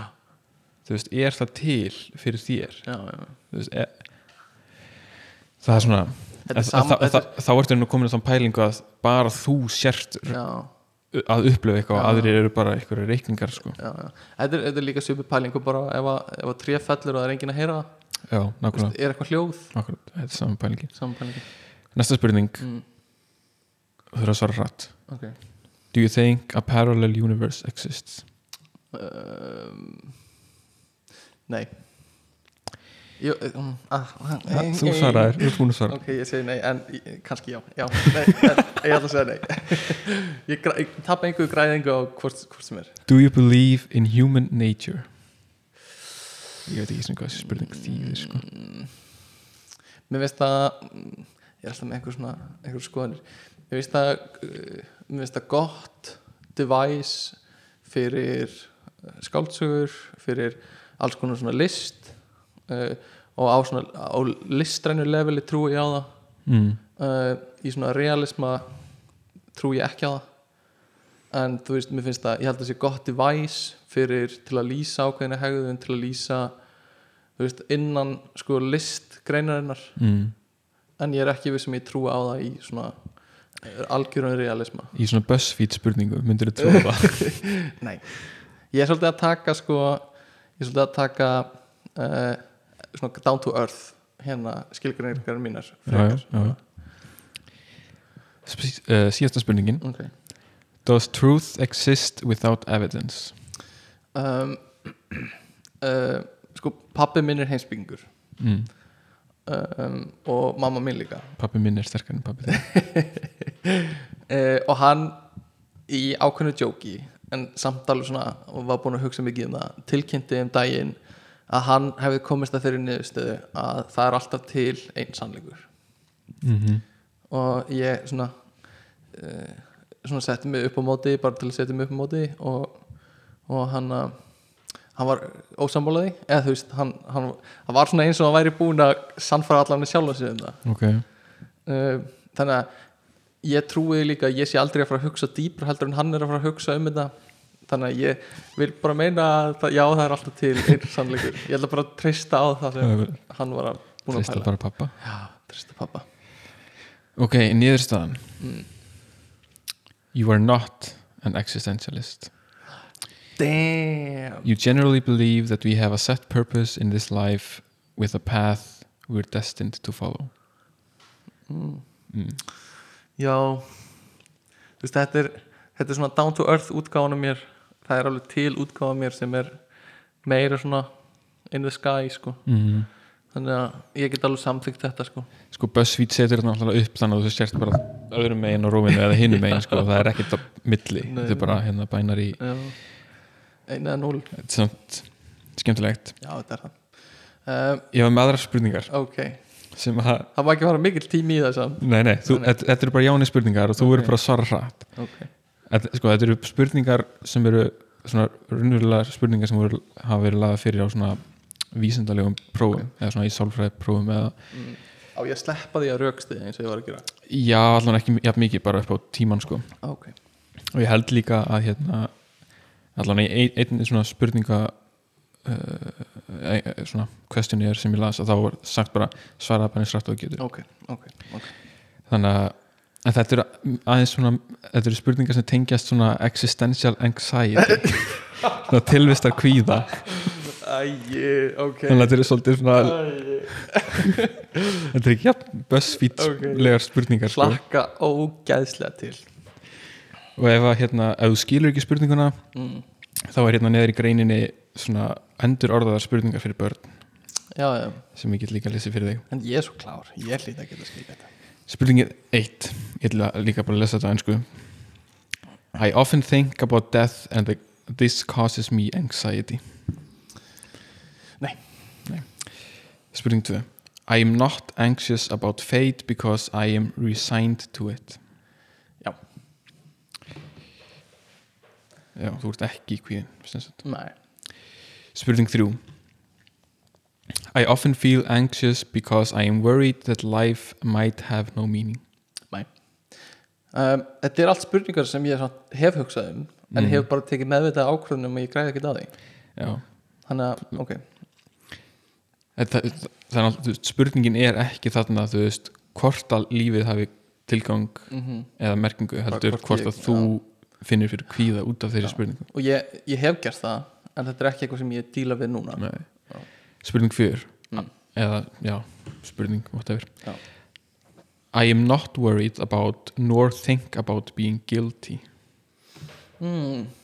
nei, ég held ég hugsa um að hvort ég sé gildi eða ekki mm Spurning 5 I often feel anxious because of feelings of guilt mm. Nei, ekki oft. Kemur fyrir en ekki oft eins og þetta er orðið spurningunni. Uh, I often feel anxious because I feel condemned. Mm. er þetta trúarlegan hátt eða? Nei, ég held að þetta sé meira já, ég veit ekki hvort það sé dæmt af ég, ég skal bara lesa barnaspurninguna. Ok. I often worry because I feel that I haven't done everything that a good person should do ah. nei, ég díla ekki við það Silus Já. Spurning 7 I never think about emptiness mm. ég hugsa um emptiness Hvað hugsar um, uh, hugsa um tómleikan? Hvað er, hvað er tómleikið fyrir þér? uh, bara Í hverju fælst tómleiki? þú veist, ég veit ekki hvernig ég á svara þessu bara tómleiki, þú veist bara bara reyna ok, bara reyna að útrýma einu af öðru þangu til ekkert er eftir í kringum mig. Getur ímyndað er það? Ok. Og svo þú veist þegar ég er búin að útrýma veist, hlutunum sem er í kringum mig þá get ég útrýmt hugtakonum í kringum mig skilur eitt af öðru. Mm. bara þangu til að það fækkar alltaf og fækkar og fækkar þannig að þú veist á endanum er ekkert eftir Mm þetta er svona Ok. hugsunar okay. Ok. I often think that the things that were once important in life are empty nei ég er ekki komin að þetta ég get alveg séð mig komast þann stað einhvern tímann mm. en lífið er ennþá svona freka bjart í mínum augum I never feel anxious about being condemned Það heitir nýlega saman spurningina I never feel anxious Já. mm, ég myndi ekki segja never en ekki oft. I am not anxious about death because I am prepared for whatever it may bring. Nei ég er ekki komin á þann stað alveg strax. I often think about fate and it causes me, fe me to feel anxious. Mm, nei. Ég er ekki uh, I'm not anxious about fate because I am sure things will work out. Nei, ég er heldur ekki þar. Ég trúi því ekki, ég hef ekki einhver svona grand hugmynd um það að allt gangi upp? Eð, Já, en spurningin er kannski hvort að allt hvort allt muni ganga upp eða hvort að hlutin verði bara í Góða lagi. Samt ekki sko. Ég bara, þeir verða ekkert í góðu lagi. Eða þú veist Ég þarf að sjá til þess að þeir séu í góðu lagi. Mm, Og mér finnst það ekki sjálfsögða hlutur Já Þannig er náttúrulega spurning svolítið um örlögin sko, hvort Já. að það sé örlögin sem að bara sjá til þess að Já, Nei, ég er ekki að því sko. Síðasta spurning I know that life has meaning. Veit það ekki. Við vorum að ræða Já. Við Eh, vitum ekkert, við erum heimskir. Heyrðu, þetta voru spurningarnar. Þetta er svona spurningar sem hafa verið spurðar sko, eða lagðar raunverulega fyrir fólk til þess að meta svona tengingu við sko, hérna veist þunglindi og kvíða og a- aðra kannski sálfræðilega svona eiginlega, enginni, Mm. kvilla. Sko, en málið er að þú veist, ég hefði alveg getað svarað mörgum spurningum á hinbógin mm. um, oft bara út frá því hvar ég er stattur í lífinu en eins og staðan er núna. Þú veist, ég hef hugsað mikið um eitthvað af þessum hlutum. Mm en ég gera það ekki akkurat núna og ég mun sennilega hugsa um þá seinna. Já, uh, en það bara uh, akkurat núna er það ekki þannig. Maður spurði einnar sem er úr öðru svona prófi? Okay. I am afraid that I will never know myself at the deepest level. Já, ég get alveg ég get séð þetta. Mm. Ég, ég, ég þekki sjálf mig ekki droslega vel. Og mér finnst það oft vandamál þekkir fólk sér raunverulega á okkar aldrei þú veist, ég, ég er allan mjög meðvitaður um að ég þekki mig ekki vel. Já. Ég já, maður, ég held og ég, ég veit ofta ekki hvernig mér líður með ákveðna hluti. Nei, og ég er rosa meðvitaður um það. Einmitt. Sko ég ég get alveg tekið undir þetta. Veist, fyrir ekkert svo mörgum árum mm, þá var ég bara, já, ég, ég verð bara vísindamæður, ég verð bara verkfræðingur, ekkert mál og svo núna bara, hm, ég ætla bara að taka eitthvað allt aðra stefnu, að prófa eitthvað allt annað.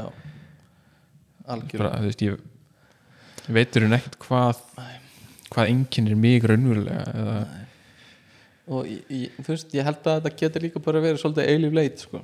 mm og líka bara þó þú kynnist þér á einhvern hátt þá getur þú veist, þroskast og þarfst að kynnast þér upp á nýtt mm -hmm, þannig að það er ekkert endilega á einhverjum tímapunkti ertu komin á réttan stað sko. eða þú veist, Já. veist allt um þig.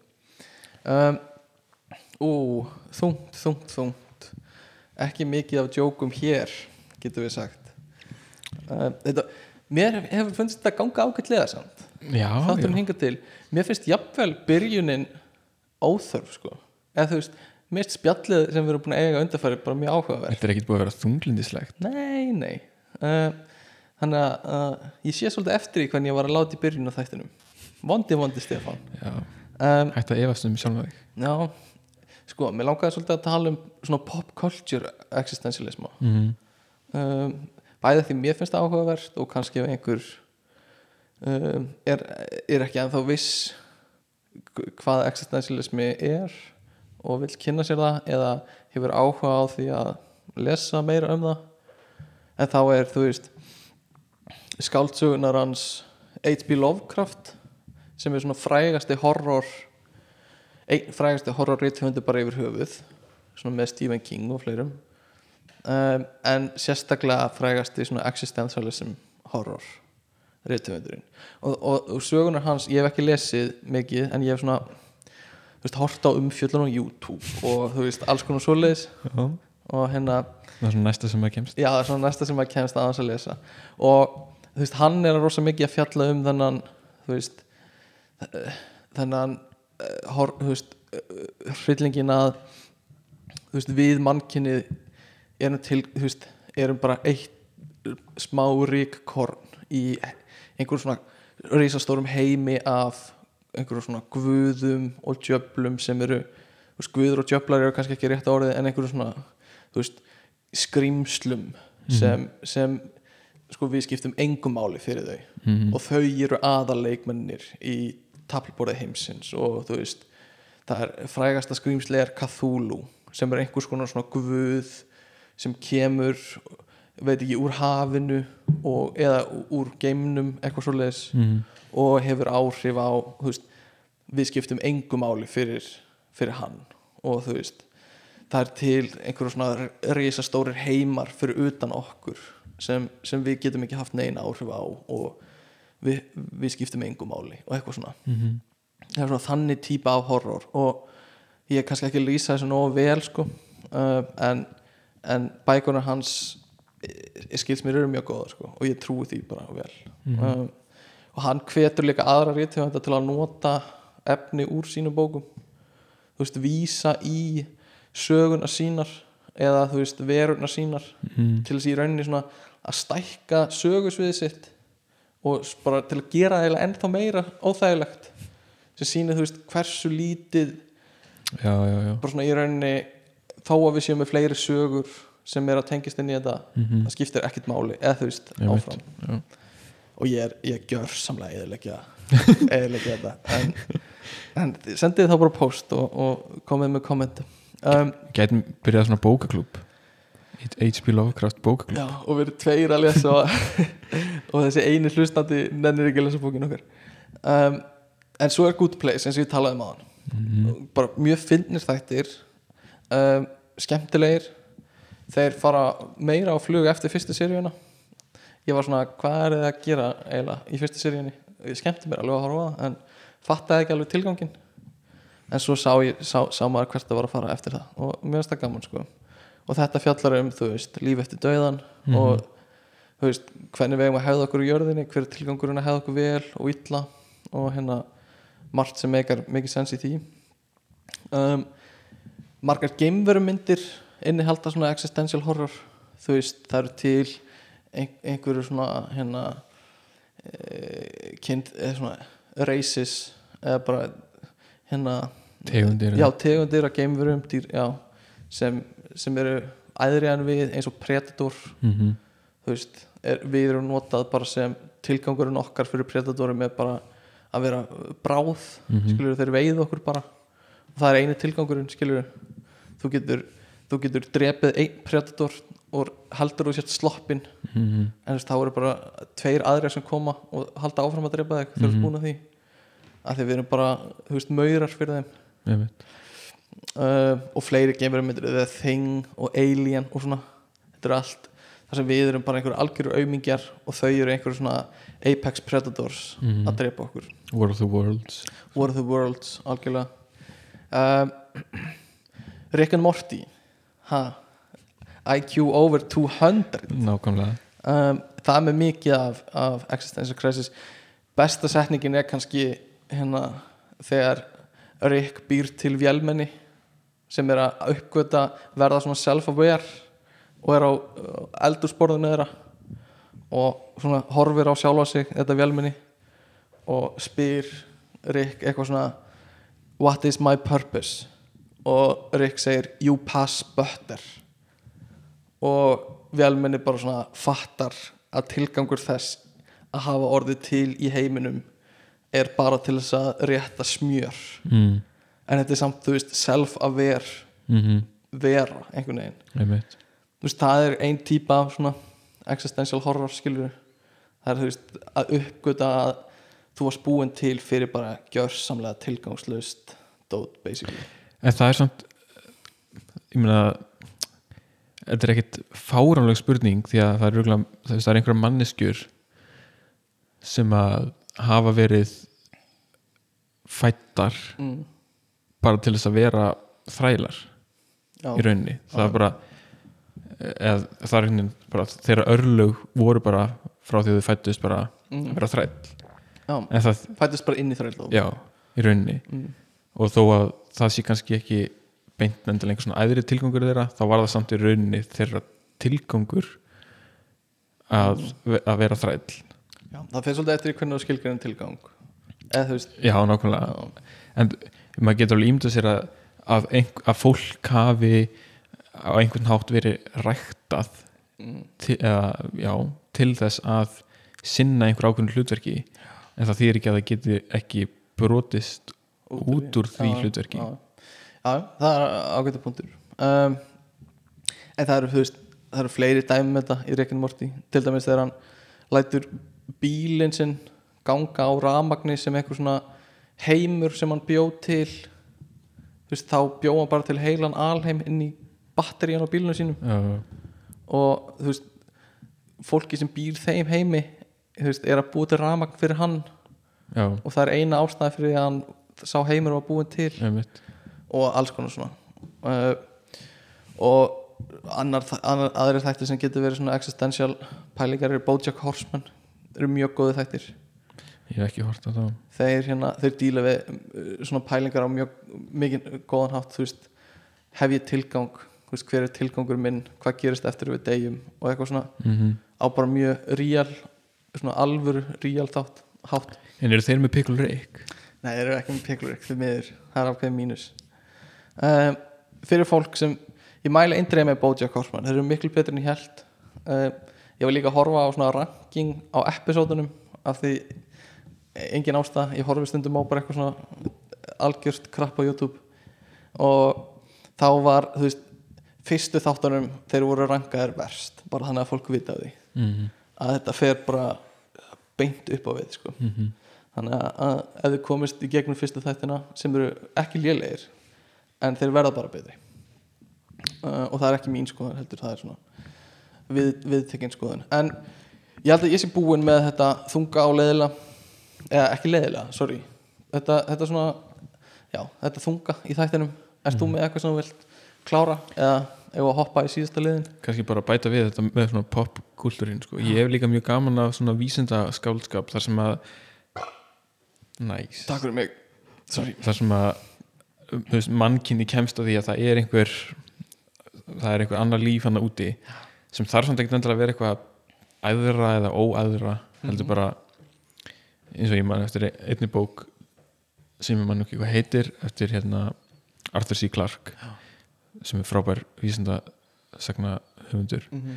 þar sem að eitthvað eitthvað ís, uh, ekki íslenski uh, mennskir geimfarar finna bara eitthvað eitthvað, eitthvað, eitthvað draslut í geimnum Mhm.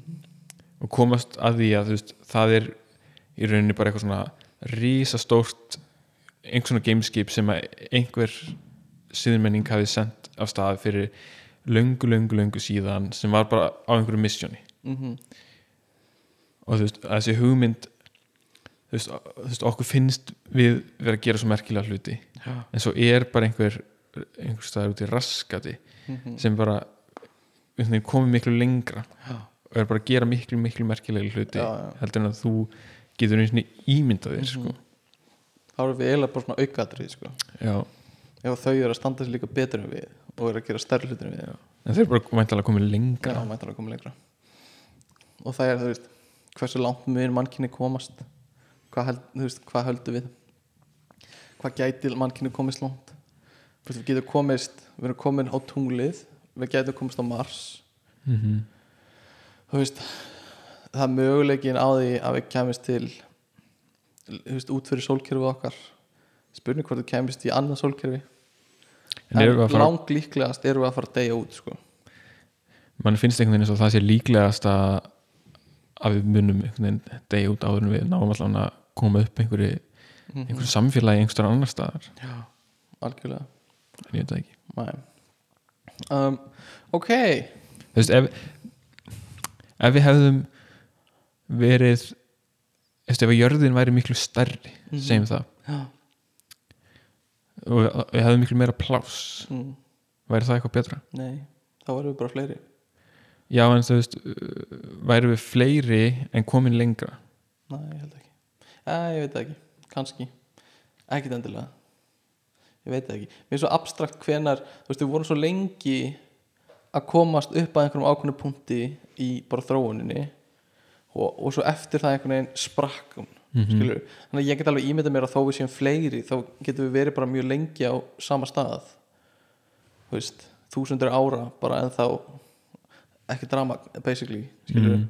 en svo þegar á einhverjum ákveðnum punkti sama hvort séum fleiri eða ekki þá springur það út. En þú þarft alltaf einhverja mannesku til að uppgöta rafmagnið eða búa eitthvað til, finna eitthvað upp ef það eru fleiri manneskjur þá er líklega að það gerist. Já, en þú þarft líka bara einhvern veginn bara uh, frjóan jarðveg skilur og það, en, já, það, það er er ekkert endilega ek- þú veist, þú veist að hafa tækifæri fyrir þessa mannesku til þess að til þess að geta eitt tíma sínum í að finna upp eitthvað, en ég er ekki að segja endilega skilur en já, já, þú vilt segja það. Já, já, við varum örgulega búin að gera meira ef við jörðum verið stærri. En líka vegna þess að eitt af því sem að er, það sem, mannkynni hefur ágjör af er overpopulation. Mm að við séum bara að fylla jörðina. Já, ef að jörðin væri miklu stærri og það væri miklu meira plás mm, að þó, þó við værum jafnmörg núna á sama þróunastígi mm. þá hefðum við meira pláss til þess að útvika já, ég veit ekki. Svona tilfinningi mín er að það myndi koma út á svipaðum stað sko, en kannski ekki. Uh, ef að klára þáttinn. Ég ætla að enda á bara allt öðru að það er í lagi.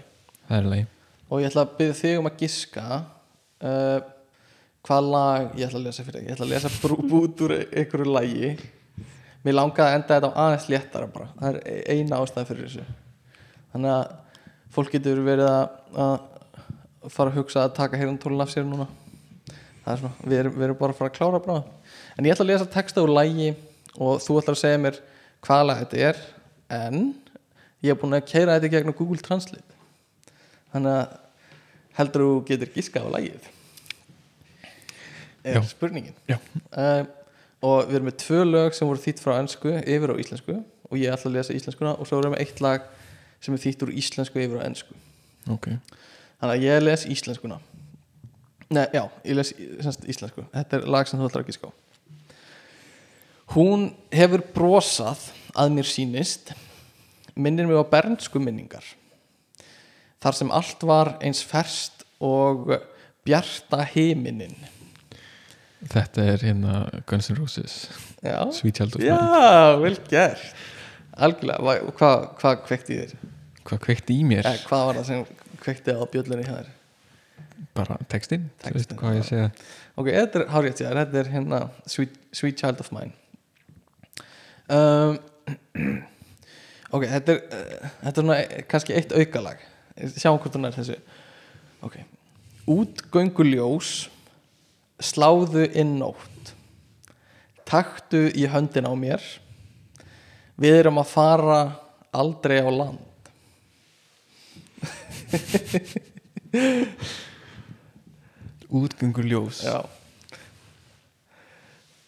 Útgönguljós Sláðu inn nótt. Sláðu inn nótt. Já, svona þýðir Google Translate allavega hann textan Taktu í höndina á mér. Við erum að fara aldrei á land. Maður ekki hugsa of mikið kannski? Nei, ég er bara svona að reyna að þýða þetta aftur Já, ennsku já, já. já. Erstu með ykkur vísmyndingu Þetta er þungarokk. Þetta er þungarokk. Ekki samt eitthvað svona obskjúr Þetta er Metallica. Vissulega. Þekki það ekki alveg nóg vel sko. Nei. Þetta er Enter Sandman. Exit Light. Ah, eitthvað. Enter Night. Enter Night. Sláðu inn nótt. Take My Hand. Eitthvað. We're off to never, Neverland eitthvað já, svoleiðis. Uh, sláðu inn Sláðu inn nótt. Ok, og hérna kemur síðasta enska lagið sem ég uh, þýtti yfir íslensku. Einmannaleikin minn er að drepa mig og ég ég verð að játa að ég trú honum enn. Býtu, sagði ekki að það verið lag sem þýttir á, á íslensku yfir ennsku Þetta er eh, nei, það er eitt, eitt já, já, ok, Í ok, viðbót. ok, ok. Ég bætti við hana Metallica. En allan á ég byrja upp á nýtt. Endilega einmannaleikin minn er að drepa mig. Og ég, ég verð að játa að ég trúi enn trúi samt. Þegar ég er ekki með þér missi ég vitið. Gefðu mér merki. Högðu á mig elskuna einu sinni enn. Högðu? Högðu á mig elskuna einu sinni enn. Högðu? Já, Vá, mér finnst þetta svolítið skemmtilegt. Mér finnst þetta vel þýtt hjá Google sko. svona eftir á hekja mér finnst þetta mjög skemmtilegt. Getur þú lesið þetta einu sann já, sko langflestir myndið held ég fatta þetta. En þú ert svo hipster að þú gætir ekki fatta þetta. Já, ég lifi náttúrulega á 19. öld sko. Ok, lesum þetta einu sinni. Einmannaleiki minn er að drepa mig. Og ég ég verð að játa að ég trúi enn trúi samt. Þegar ég er ekki með þér missi ég vitið. Gefðu mér merki. Högðu á mig elskuna einu sinni enn. Mér finnst eins og ég kannist við þetta. já, þú kannast örgulega vita þegar ég segir hvað þetta er sko. Já, þetta er pop, já mikið pop. Og þetta er söngkona. Þetta er nýtt. Nei, þetta er ekki nýtt Þetta er söngkona Þetta er eiginlega einn stærsta pop dífa Britney Spears. Já, þetta er Britney Spears. Þú myndir vita þetta eða þú, þú veist, vissir eitthvað af Britney Spears basically. Ég meina, já Ef þú lest enska textan þá Mm. mögulega en ég er ekki alveg kveikja Þetta er My loneliness is killing me. Ah, and já. I must confess. I still believe. Mm, still believe uh, when I'm not eitthvað, with you I lose my mind give me a sign hit me baby one more time. Ha, Högðu. högðu á mig elskuna einu sinni enn. Ok, Er það orð í íslensku? það högðu greinilega. Og, og síðasta þá ætlum ég að lesa enskan texta sem er upprunnilega íslensk lag Shadows in the shelter of the night. Take root here. Make up and plumage. Everything is so exotic. Vá, ég hef ekki hugmynd um hvað þetta er. Það fór uh, Google aðstofamæður í gang. Ég held að vera síminu þínum. Um, Þetta er íslenska hljómsveitin sem með flóknustu textana og oft bara algjört rugl textana sem þeir eru með Þetta er Sálina Sjónsmíns mm. og þetta er lagi Sódóma skuggar í skjóli nætur skjóta rótum sínum hér farði og fjadra hamur allt svo framandi er Mm. Mitt, ég var ekki með þetta Nei. Hvað náðið þú mörgum kæri hlustandi? Send okkur skilabóð og ekkert að frétta gmail eða Instagram okkar ekkert að frétta podcast. Um, Ég held að þessi þáttu sé bara hafa verið góður. Eitthvað meira sem við bæta við? Ég held að það sé- allt útrætt bara. Já, ég held að líka. Um, Bye. Bless